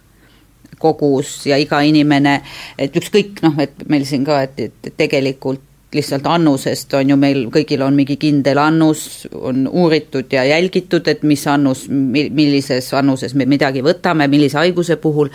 mis on nende taimedega, need ju, iga taim on erinev, sa tegelikult ei tea kunagi, palju seal midagi, kui tugev ta tegelikult ongi, see on see šamaani tarkus juba, sest kui me olime seal džunglis, meil oli nagu meil oli viis, iga kolmas päev oli nagu tseremoonia, siis alustati, me keetsime korraga selle koos seal nagu valmis suures potis. mitmeks tseremooniaks? jaa, selleks kogu, koguks selleks, me keetsimegi selle korraga kaua see aega võtab umbes? päev otsa me keetsime päev seda, seal olid need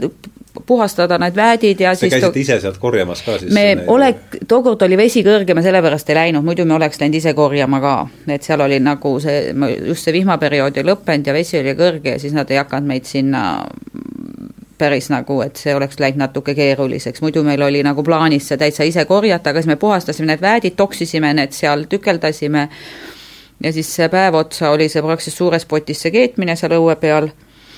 ja siis oligi jah, et, et ikkagi esimesel tseremoonial anti suhteliselt nagu vähem, noh, seal mõned inimesed, kes olid varem, et, et noh, just see, et, et šamaan ka vaatas, kes kuidas reageerib ja noh, sai alati pärast ka juurde anda, et inimesed on väga tundlikud erinevad,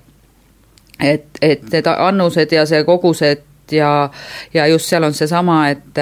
mis seal aiatseremoonial oli, et hommikust võis süüa, lõunast olid nagu söömata ja siis vett juua, mis selle ibogaga on nagu ka see, et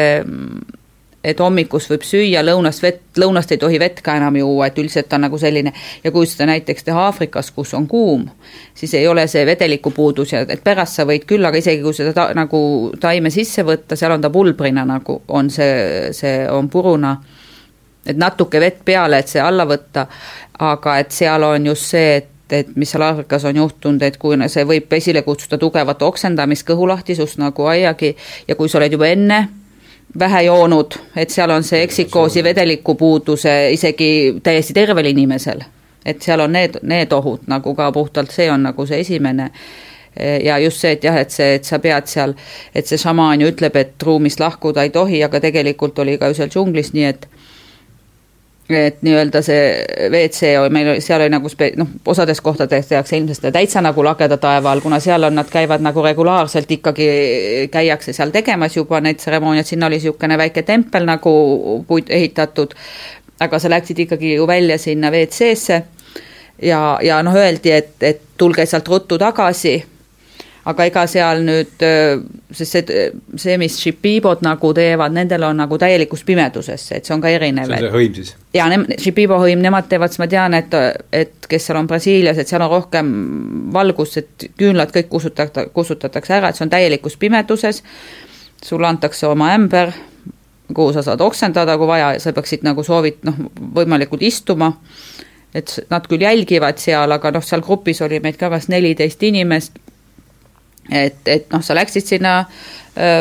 väljakäiku nii-öelda ja tulid tagasi, aga noh, seal jä-, no seal polegi kuskile minna, džungel on ümber ja jõgi on teisel pool, aga põhimõtteliselt, et, et, et seal on noh, et see, seal on see mingi väike omavastutus ja me, noh, mina, me andsime ikkagi oma allkirja, kui me sinna, mina andsin, andsin, meil oli see tervisevormi allkiri, et ma vast-, et ma ei esita mingeid pretensioone pärast, kui midagi juhtub, sest tegelikult see on nii, et täiskasvanud inimesed ise teavad, mis teevad. aga, aga jah, et seal see, sellised terviseriskid on ka, noh, rääkimata sellest. ja kui meil oli seal viis tseremooniat, siis kõik seda viite ära ei teinud, et tulid seal erinevad hirmud inimestel üles, kellel hakkasid seal ühel noorel südamerütm ja ta tundis, et tema ei julge, seal noh, tulid erinevad, erinevad variandid. et see, see ei ole nii, et noh, kedagi ei, loomulikult see on su oma vaba valik, aga see on näha, et, et see, see ei ole niisama lihtne. ja no panin siin, teinud siin märkmeid ka sellistest niidiotsadest, mida võiksin edasi arutada üks tuli siit äh, Anna jutust tükk aega tagasi, see saja kolmainsus keha, vaim ja hing ja siis käis ka niisugune sõna läbi siit nagu animism äh, on meie jutust läbi käinud. Ja, ja võib-olla minu jaoks ähm, üks asi, mis ma sellelt äh, septembri kogunemiselt enda kaasa võtsin, oli see Luis Eduardo Luna, kes oli esimene kõneleja, ütles, et animism on, animism on meie ainus väljapääsutee mõtlen ilmselt, ilmselt ta pidas silmas siis kogu seda inim, inim, inimsugu tervikuna, et ja, ja, ja siit ehk ongi aeg minna selle, me oleme siin juba ligi üle tunni aja istunud koos, et hakata mõtlema selle üle, et mis siis on ikkagi, mind huvitaks, kuidas see, ma olen palju mõelnud selle, kuivõrd see on asi, mis kuivõrd see on asi, mis minule sealt üks lause, mille ma sealt endale kaasa võtsin, see animism on ainus väljapääsutee, et mida ta selle all mõtles ja ja noh, siin on esimene asi siis ikkagi tõenäoliselt defineerida mõiste, mis on animism ja kuidas see haakub meie äh, noh, selle, sellega, mis meil siis praegu on ja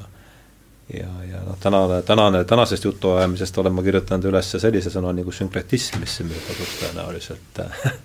is, ismisi tuleb siin, aga need tunduvad olevat niisugused mõistlikud, mul on lihtsalt ismide vastu selline äh, noh, kerge väga suur skepsis, aga need ismid tunduvad olevat nagu niisugused vähe sõbralikumad. niisiis, mis asi on animism? Hakkame edasi pihta. võiks öelda, et loodususund, usk sellesse, et loodus on hingestatud, et võimalik on nende loodushingede, loodusvaimudega suhelda ja, ja mitte ainult usk, vaid ka see praktiline suhtlemine. praktiline suhtlemine. mille juures need taimed on siis abiks. või ka mitte. aga selle loonajutu juurde, et meil on üks ja ainus väljapääs no mina ei suuda uskuda, et kõigi jaoks on üks ja ainus nojah, see on hästi seda küll jah, et ma, see on niikuinii, aga, aga ütleme siis nii, et ta pidas seda oluliseks ja sõnastas selle võib-olla, ja sõnastas selle niimoodi. Ja ma ka ei arva jah, et nüüd peaks, et siin on nüüd üks koridor, mille suunas, aga pigem ma võtan seda lauset niimoodi, et ta juhtis tähelepanu mingile olulisele aspektile või ma, ma noh, enda jaoks äh, võtsin seda nagu, nagu niimoodi pigem, kui et jah, et nüüd et siin on see nüüd üks ravim kõigi vastu. mina võiks seesama selle esimese loengu, selle Luuna loengu puhul, mis mind hästi mõju, kus ma tundsin sellist tugevat nagu äratundmist, kui ta näitas, ilmselt ta näitab seda erinevates riikides, noh, erineva, et ta näi-, et noh, kus ta see loengu peab, siis ta leiab selle riigi kohta, et oli see gravüür, kus Eestis võeti hiiepuid maha mm. -hmm. ja see mind nagu tõsiselt kõnetas et seesama, et, et et kõik, et et see, kuidas seda, mis tullakse võõrale maale, võetakse see kultuur või see, kui et mis selles halba on, kui keegi usub, et see puu on hingestatud või see hingest on, et seda nagu maha võtta, et see mind hästi, ma täitsa füüsiliselt tundsin see, sellel hetkel seda, kuidas see mind kõnetas, et et siis, et seesama nagu see usuteema, et meil on jah, et tuleb, et, et Eestis on huvitav, et see tuleb uus usk ja jälle mingi teine ja siis see eelmine on paha ja siis lööme need, nagu ikka tulime tule ja mõõgaga ja siis tulevad järgmised, võib-olla siin Eestis ongi see noh, nii-öelda öeldakse, et eestlased on hästi usuleiged, et kuna siit meilt on neid üle käidud, neid rahvaid erinevaid, igaüks tuleb oma uue jutuga ja siis me oleme natuke oma asja ikka edasi ajanud, et ikka natuke oma, oma, oma asju ja see teadvus, mis, et minu jaoks on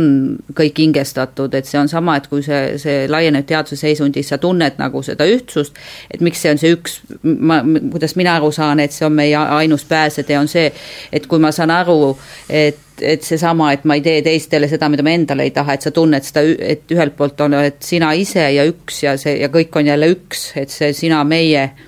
et kuidas see teadvus, et kõik on nagu omavahel ühendatud, et kogu see liik, inimesed kui liik on omavahel tegelikult ka ühendatud kõik energeetiliselt. et kui sa sellest aru saad, et mida sa lood siin maailmas, et, et, et, et, et see, see ongi nagu iga mõtlev inimene aru saab, kes praegu ümberringi vaatab, et me tegelikult oleme suhteliselt suures jamas kui me nagu suurt pilti vaatame. nojah, ma, minu ja jaoks see, luul, see jah, oligi Luuna see, ju et, lause läkski sellesse. jaa, just, ja ongi, et ja kui sa võtad seda, et kõik on nagu hingestatud, et see ongi, et, et siis, siis, siis, siis need ja mina võtan, et kõik need taimed, et see on nagu teadvus või infoväli või mida nad meile annavad, et see kõik, see on omavahel ühendatud, et et, et et see on suur nagu väärtus, on need psühhedeelikumid selles suhtes. näiteks noh, nagu LSD, mis on siis öelda sünteetiline, mis ongi nagu minu jaoks üks huvitav, et osa on nagu looduslikud, need on olemas siin maa peal kasvanud, siis on inimese loodud nagu LSD, mis noh, kuigi tal on nii-öelda äh, sealt tungalterast või nagu on see nii-öelda looduslik taust olemas, aga et kuidas sellest näitab neid mõttemustreid ja miks ta on nagu, kui inimesed ongi oma selles ühes mõttemustris kinni ja arvavad, et ainult nii on võimalik, siis LSD näitab väga selgelt, kuidas sa seal mustris tiirled ja siis, kui sa saad aru nagu, aga miks ma siin tiirlen, minu otsus on siit välja tulla et ta nagu näitab sulle selgelt, et me kuidagi oleme õpet-, õpetatakse ju meid lapsest saati silmaklappidega ilusaks kuubikud, kõik ilusti sobivad kõik ühte kasti, saab kõik kokku pakkida, kokku nagu klotsid tehakse, eh, sellised, eh, et on mugav eh, ja üritatakse sinna kasti kõiki toppida, kes ei sobi, see lükatakse kõrvale kui teistsugune, et ma ei üldse imesta, et praegu neid, mõnes mõttes neid käitumishäireid noh, nii-öelda on, et tegelikult et iga inimene on inimene selline, nagu ta on, et, et me, võib-olla me peame ise midagi muutma oma arusaamistest. et, et selles suhtes see jah, see, et mulle ka need ismid ei meeldi. et selles suhtes, et see või teine või, või et, et seal tuleb ikka see võimuteema, võimuteema sisse nojah, selles mõttes see sünkretism on võib-olla nendest, äh, et see otsib mingil, nii, nii, nii palju kui mina sellest sõnast aru saan, see otsib nendest kõikidest ismidest mingit tervet, tervet ühisosa mm, -hmm. mis meid peaks siis ja. Äh, kuidagi ja, ja see, selles nii teadusest kui ka teistest religioonidest et selles suhtes need psühhedeelikumid, see avardanud teadvus ongi kõige, minu jaoks kõige parem võimalus nagu leida neid ühisosasid ja neid mustreid ja meil igaühel on mingi oma äh, oma vaatenurk ja me saame neid siis laiendada ja vaadata, kuidas need asjad omavahel kokku sobivad. ja ma arvan, et see on ka üks, üks osa, miks nad nii-öelda natuke keelatud on, et see, see tõesti, sa näed maailma natuke teistmoodi. ja see ei, kõigile ei pruugi sobida. aga tuleks tagasi äh jälle sinu füüsikupäevade juurde, et see ei ole ju, füüsikas ei ole see, see pilt ju äh, nii vähe, kui mina sellest aru saan, ma saan aru, et pilt on ikkagi selline, et meil on siin äh, ütleme, Descartesi päevil oli niimoodi, et siin on meil see äh, mateeria ja siis on inimvaim mis seda siis, mis asetseb kuidagi sellest kuidagi eemal. Ja nüüd on sealt edasi minnes üks, üks äh, suund ütleb, et ei ole ka vaimu, et ongi lihtsalt puhas, ainult mateeria äh, mässleb meil siin ümber ja ja kuidas ta siin ajus siis lõpuks teaduseks kokku saab, see on see suur küsimus, et et kuidas see animism kaasaegse füüsikalise maailmapildiga kokku, kokku klapib? see, mida ma siit praegu kuulsin, on küll pigem filosoofia kui füüsika, et idealism, materialism, dualism, monism, eks ole. nagu füüsika ikkagi ju ka mingil määral äh, ra rajaneb mingitel sellistel no tal on ka mingi füüsi-, mingi niisugune filosoofiline nurgakivi kuskil või? Äh, füüsika jaoks on maailm siiski tervik, reaalsuses on aineosakesed ja väljad, mis omavahel vastastik mõjustuvad, kõigel on energia, mis muutub ühest liigist teise, kandub üle ühelt kehalt teisele, et äh, füüsikast küll armastavad sageli rääkida need no ütleme teistmoodi maailmavaadete edendajad aga neil on vahest füüsikast selline omamoodi arusaam, näiteks kvantfüüsikat tsiteeritakse sageli selle koha peal, et, et pole olemas füüsikalist protsessi ilma vaatlejata, ei ole mõõtmistulemust ilma mõõtmiseta, mis on sisuliselt õige, on selline protsess kvantfüüsikas nagu lainefunktsiooni kollaps, et lainefunktsioon mõõtmise hetkel võtab selle oleku, milles mõõdetaval suurusel on kindel väärtus, aga kui sealt edasi minna selle nii-öelda kvantmüstikaga ja öelda, et me oma mõttega loome maailma ja soovmõtlemisega saame me siis selle süsteemi olekut mõjutada ja selliselt no see nagu ei ole väga palju katseid, et soovmõtlemine meid ei see, ei aita väga palju edasi. see on noh, ütleme siis äh, teadusliku sõnavara religioosne kasutus, samamoodi kargokultus, et, et toimivast süsteemist. siis nüüd, mis täpse, mis on teadusliku sõnavara religioosne kasutus? see niinimetatud kvantmüstika, et kui hakatakse ütlema, et mm. vot kuna vaim määrab mateeria, siis kujutage endale hoolega ette, et asjad on nii, nagu te soovite ja siis te oma no. vaimuga mõjutate mateeriat ja siis nii saabki olema. noh, see on ilmselt üks Äh, meil eelmise hooaja viimane saade oli, kus oli, olid saates Andres Metspal ja Piret, Piret Kuusk ja me rääkisime Schrödingeri sellest mm -hmm. küll valdavalt, äh, mis on nüüd see, mis on elu, aga, aga ka, aga siis vaim ja aine mm. -hmm esseest, mis mulle jättis väga sügava mulje seal siiamaani kuidagi selle mingil määral selle mõju all ja seal, ma arvan, et see on just see, mida ta seal silmas peab, kui ta ütleb, et et kiire taandumine positsioonidelt, mida on hoitud üle kahe tuhande aasta, on, on ohtlik, et kui me jätame selle, kui me jätame selle maailmatunnetuse kõrvale, noh, mis läänt on koos hoidnud ja hüppame siit nagu pea ees esoteerikasse, siis on meilgi, ongi kohe järgmine, et noh, et mõtleme endale tegelikkuse, mõtleme endale tegelikkuse välja, et ma ei tea, kas haakub see teie arusaamisega või? et just see la-, et, et see, see, see mõte, ma olen seda mitu, mitu korda selles sarjas siin tsiteerinud isegi, et, et ükskord, et Schrödinger ütleb seda, et et lääne filosoofia vajab verevahetust idast, aga et see on ohtlik, sest või noh, et sellega ei saa, selle asjaga on nii ja naa, sest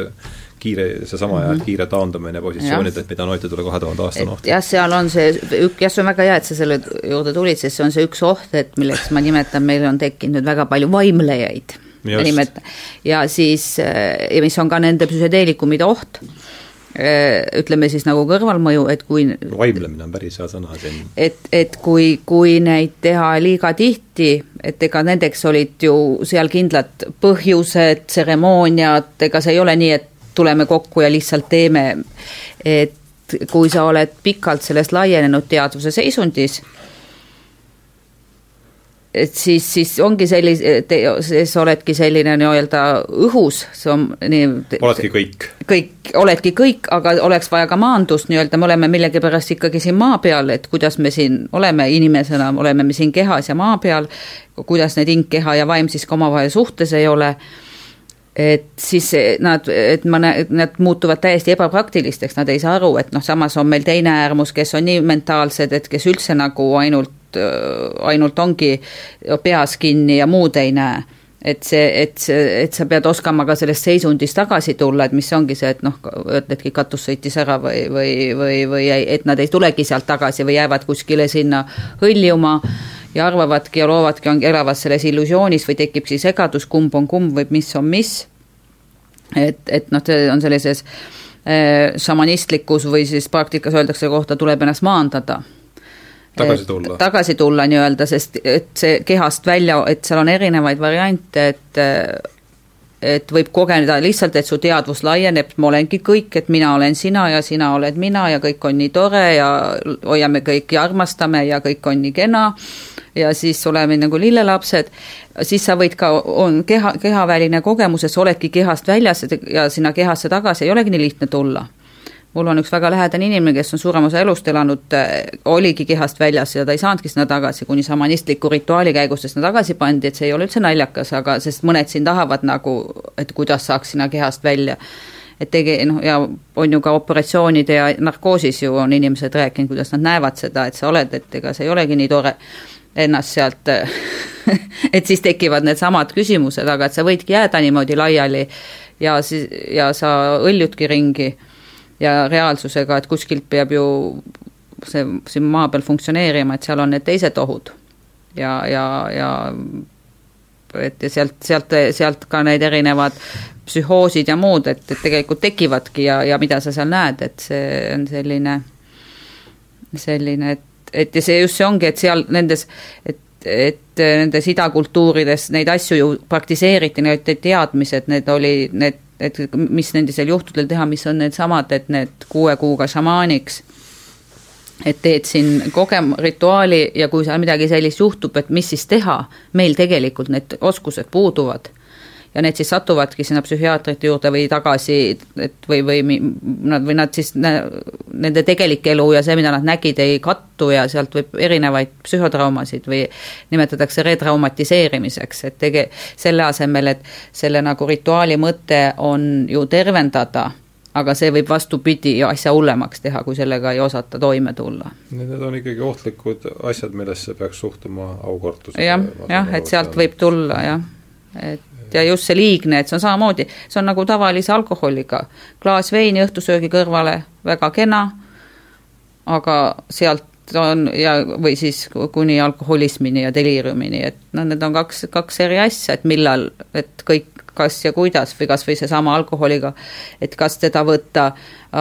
kui sul on hea tuju sõpradega to tore või võtad sa seda siis, kui sul on depressioon ja masendus ja tahad midagi ära unustada, et need on kaks täiesti, tulemused on ju ka täiesti erinevad jah, no üks asi, mis ma siit, Elle, mis mainis ja mille ma kirja panin, et suure, et tegemist on ikkagi arstimiga või medi-, medi-, rohuga mm. -hmm. ja suurele osale inimestele ei ole seda lihtsalt tarvis see, ma arvan, on päris ülesehituslik mõte mm -hmm. ja aga kellel, kellel seda on tarvis, sellel peaks olema ikkagi võimalik seda lisaks sellele, nendele tablettidele ja ja asjadele, mida meile siin pakutakse, lääne meditsiini poolt peaks olema see võimalus seda, ligipääs nendele peaks olema, kas see on asi, millega te võiksite, oleksite järsku või mis te sellest mõttest arvate, et ma hakkan siin nüüd otsi vaikselt niimoodi. Mm, tasapisi seda jutuajamist äh, sadama poole tüürima, et kuna neid aineid tarvitatakse niikuinii, nii, siis mina arvan, et on ohutum, kui seda tehakse kontrollitud keskkonnas, rituaalselt, koos selle teadmisega, kuidas seda on ohutum teha. ja sellepärast mina ei näe, et need keelud sageli selle põhjendusega, et on ju ohtlik, keelame ära, muudaksid seda tarvitamist ohutumaks. et pigem on see, kui tehakse selle hirmuga, et aga äkki keegi saab teada, pluss see, et selle aine kvaliteet, mida tarvitatakse, kui ta on kuidagi põranda all kokku keeratud, ei ole ju teada kunagi, mis seal päriselt on. minu enda teadustööst, noh, ma kogusin ayahuasca proove ja analüüsisin neid Brasiilias ja just Euroopast on mõned pahad proovid leitud, kus ei ole üldse mitte need taimed, vaid on selle asemel kemikaalid.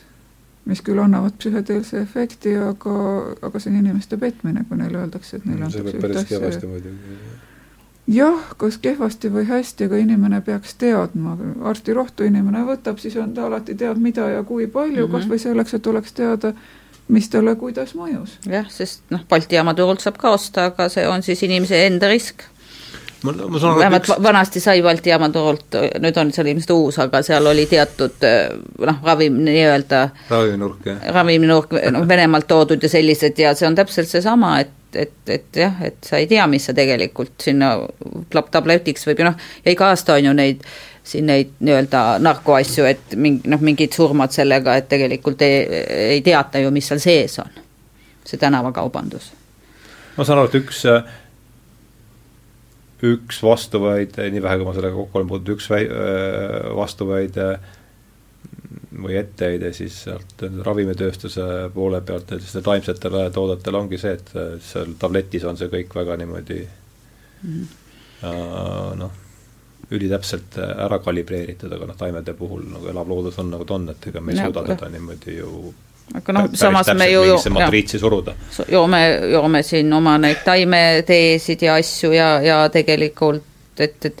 et seal ikkagi ju enam-vähem on teada ja seal, vot seal ongi needsamad need šamaani oskused, et alguses antakse väiksem kogus ja vaatad ja ja samas on lõplikult iga inimese enda vastutus, mida tema oma suus sisse, et see on nagu ka, et me ei saa nagu, et see reguleerimine, täiskasvanud inimesed lõpuks siis igaüks ise teab, mis ta teeb ja mis riskid ta võtab, tehakse langevarjuhüppeid ja mida iganes, et ega igal pool on ja see üks asi, noh, meie see ma nimetaks, ma ei oskagi öelda, see eh, suhtumine surma või see hirm nagu see suu-, et, et noh, siin keegi just on, kuskil on see hea ütlus, et inimesed kardavad nii hirmsasti seda surma, et noh, ei julge elada. et unustavad elu ära, et see on täiesti kindel, et me ükskord ära sureme, et see on ainuke kindel asi siin elus, et see surm tuleb, et siis, siis sellega nagu mängitakse kogu aeg, et aga näe, see suri siin või keegi seal või mis juhtus, see, see juhtub ükskord niikuinii et seda me ei saa nagu, et ja siis sellega nagu kogu aeg, et se- sellega nagu mängitakse, selle surmahirmuga.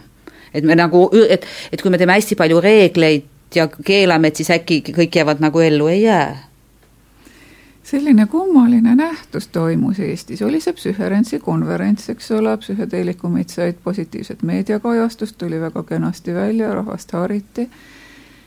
Siis äh, asutati psühhedeelia teaduse ühing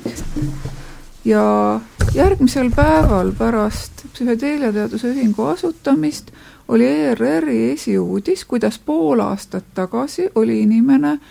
mürgikonna Jah. kamborituaalil surma saanud. aa, selline kokkusattumus oli jah? jah, ütleme siis, et oli kokkusattumus. et nagu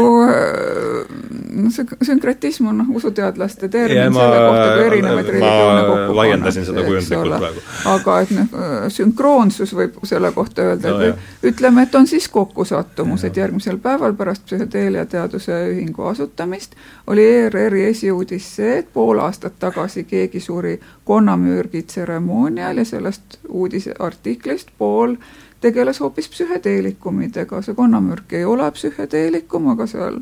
artiklis oli nii ajahuaskast kui LSD-st, et nagu vägisi tekkis see tunne, et kellelgi oli,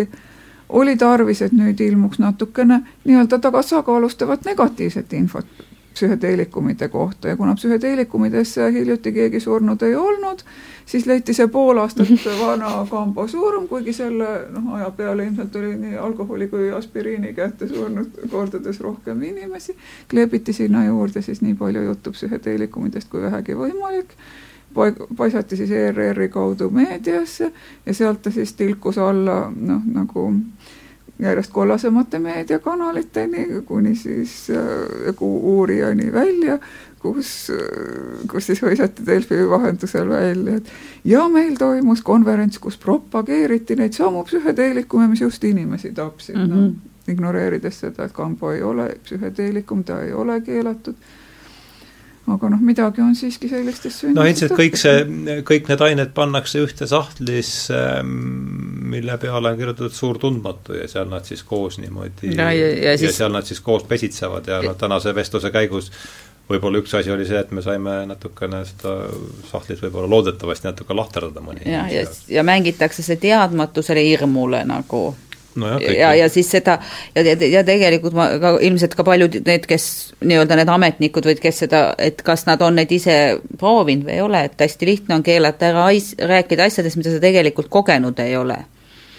et, et, et, et, et see on ka selline, et äh, alati on lihtsam ära keelata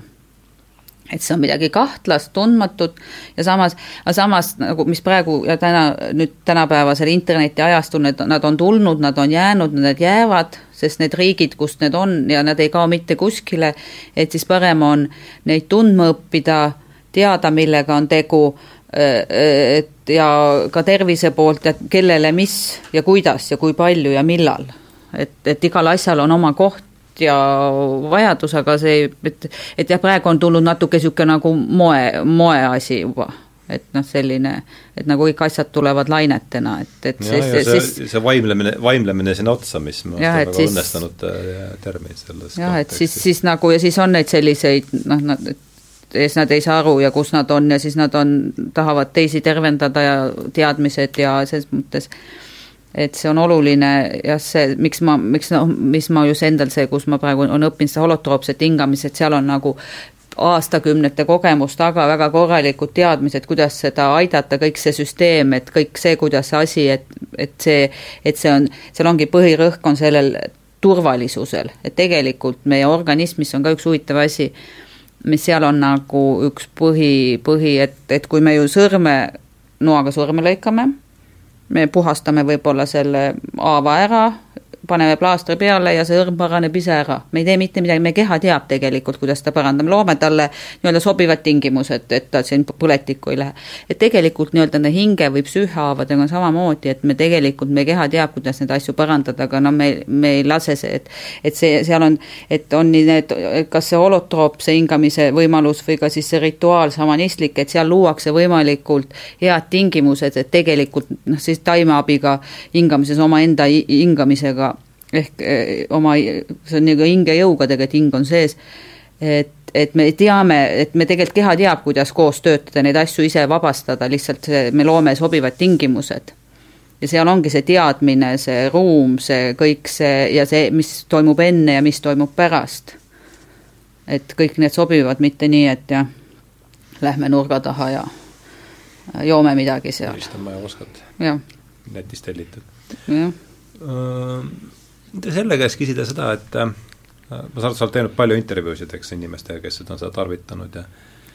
ja, ja, ja nüüd tõukuvalt sellest samast lausest, mis mulle meeldis, et suur, suurel osal inimestel ei ole seda lihtsalt tarvis, et oskad sa selle aja peale järsku koostada mingi isik, isiksuse profiili, kellele võib sedasorti asja olla tarvis? millest me siin oleme rääkinud. no räägime konkreetselt võib-olla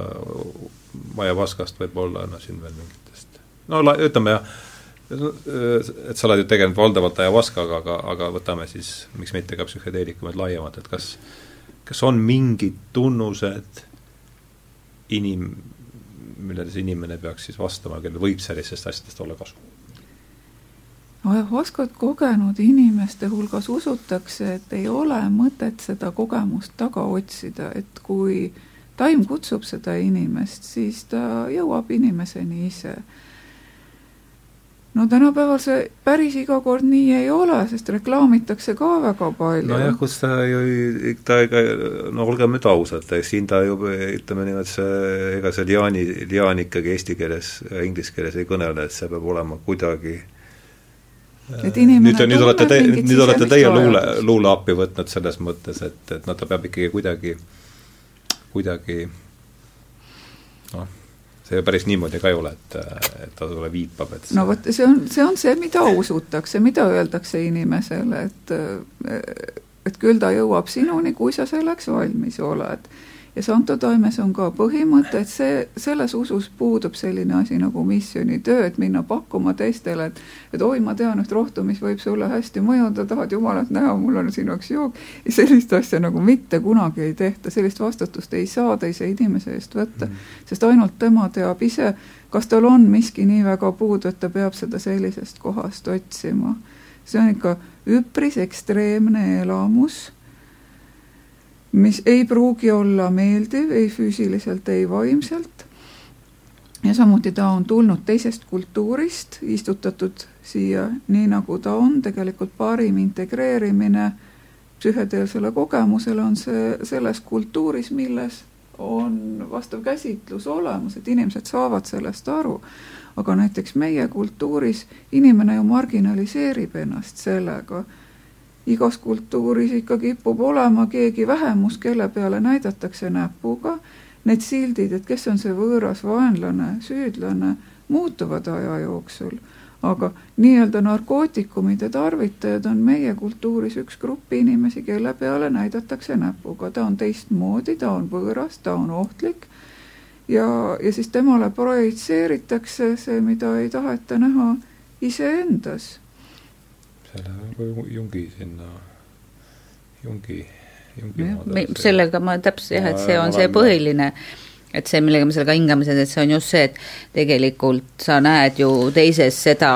enda neid nii, on hä, nii häid ja ütleme, positiivseid, negatiivseid projitseerimisi, aga tegelikult jah, sa mingeid asju, mida endast tunnistada ei taha, ja siis, siis ongi hea panna need, et see on seesama, see teadmatus, ma ei tea, see on natuke eh, kahtlane, seda, see keelame igaks juhuks ära. et äkki see näitab mulle midagi minu enda kohta ja mis kõigutab minu alus, alustalasid et see, et tegelikult taim kutsub, et see on seesama, et, et nagu see Ibogas, et mulle räägid sellest mitu aastat ja see üldse mind ei, ahah, räägitakse, räägitakse, siis mingi hetk see kuidagi, see kõik asjad jooksid kokku või nagu see ka see džunglisse minek, see lihtsalt nagu, see to toimus kuidagi väga lihtsalt, ma sain kõik see kuidagi, see tööd ja ajad ja kõik need asjad, et see väga loomulikult, et see, see, see, see mingil määral see on, need asjad tulevad, tulevad sinu juurde kuidagi või sul tekib ja sul on mingi huvi, vajadus, mida sa otsid midagi ja siis, et see samamoodi ja sa peadki selles mõttes ka inimesed, et kui nad tunnevad, et see ei ole nii, et et, et sa pead tundma, et sa sinna lähed, et kui sul on seal mingid hirmud ja asjad, siis need asjad ei toimi tegelikult. et, et need asjad nagu kuidagi, et, et elus paljud asjad, et ja mis siin, kui enne oli tegelikult, on see, kas, mida me, et noh, et, et, et saab seal neid luua oma asju ja tegelikult üks asi, mis on täiesti kindel et tegelikult selles mõttes me loome oma o, o, nagu elu ja et me oleme see, mida me iseendast loonud oleme, mida me sisse sööme, mida me mõtleme, meie valida on, kas me keskendume negatiivsetele mõtetele või positiivsetele, et kui mingi asi mulle ei meeldi, kas ma siis äh, kogu aeg olen selle kallal ja annan talle tegelikult jõudu juurde või vaatan, mulle see asi ei sobi, mis mulle sobib. ja ma keskendun oma tähelepanu ja loon seda, et see asi muutuks, ma teen seda sobivat asja, mitte seda, mitte ei sobi, et ma ei lähe sinna teiste õue peale kaklema ja siis pärast on häda, oih, mis tehti, vaid ma teen seda, mis muudaks, et ei tekiks üldse neid, et see, kuhu ma oma tähelepanu, et see on täiesti teadlik valik. et ma näen, et kas või nagu siin ma näen, et need asjad on see, see aetakse psühhedeelikumid, narkootikumid segamini, ma ei ole narkootikumide vastu, ma olen psühhedeelikumide poolt, ma uurin neid, ma teadvust, ma vaatan, mis nendest kasu on ja ma tegelen selle poolega. sest tegelikult on see, kuhu ma oma tähelepanu panen ja mida, mida ma siin elus nagu arendan. et ja mis on nagu meditsiin, mis, mis mulle hakkas lääne meditsiinis kohati tekkimus vastuolu, kas me keskendume haige olemisele või terve olemisele. Lääne meditsiin on keskendunud haigustele, mina keskenduks, kuidas terve olla.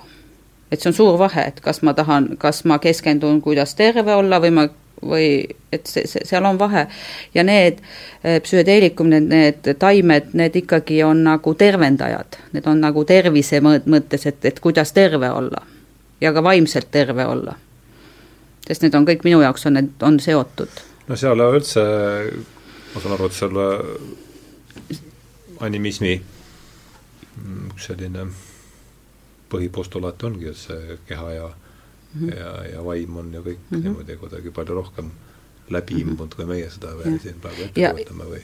ja see, et, et, et, et lääne meditsiin väga hästi haigusi ravib, on väga hea, see on väga hea, suurepärane, kõik trauma, kõik, mis operatsioonid, kõik, aga mina tunnen, et mina soovin ennast ennast nagu oma tähelepanu pühenduda sellele, kuidas terve olla.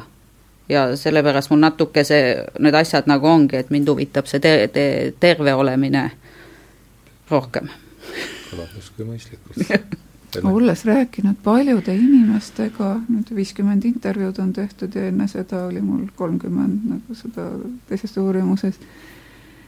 et ma panen tähele, et kui inimene saab oma esimese psühhedeelse kogemuse, siis ta sageli satub sellest vaimustusse, ma ise sattusin ka. et oi, millised imelised maailmad on olemas selle maakera sees on teine maakera, mis on palju suurem kui, kui see, aga, aga tõesti tekib selline tunne, et oi, maailm on palju suurem, mitmekesisem ja võimaluste rohkem, kui ma kunagi oleks osanud ette kujutada. Aga läheb mõnda aega mööda ja siis see nii-öelda armumine asendub armastusega või nagu realistlik pilt, et nii nagu hakatakse oma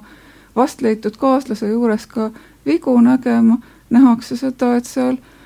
psühhedeelikumide tarvitajate seltskonnas samamoodi on siiski mitte tiibadeta inglid, vaid inimesed koos kõigi oma inimlike nõrkustega,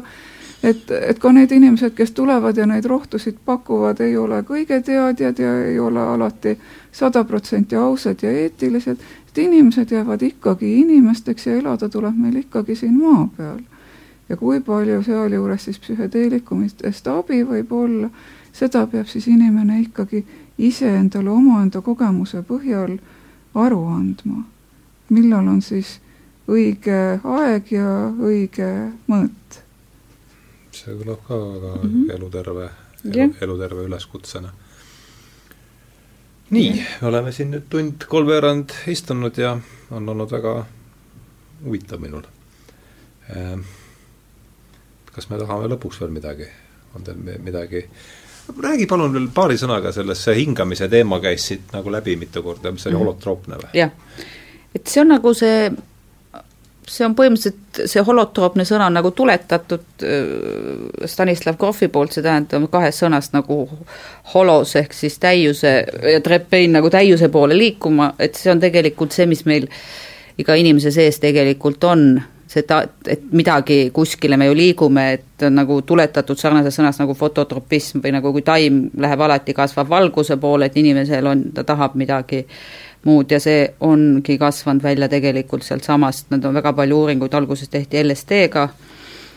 Ame-, ta on Tšehhist pärit, Saksa, sinna Ameerikasse emigreerunud, ta on praegugi veel elus, ta on sünniaasta on kolmkümmend, jaa, kolmkümmend kuus on ta sünniaasta, peaks olema vist. ei ole rohkem, jah, ta on kaheksakümmend seitse või midagi sellist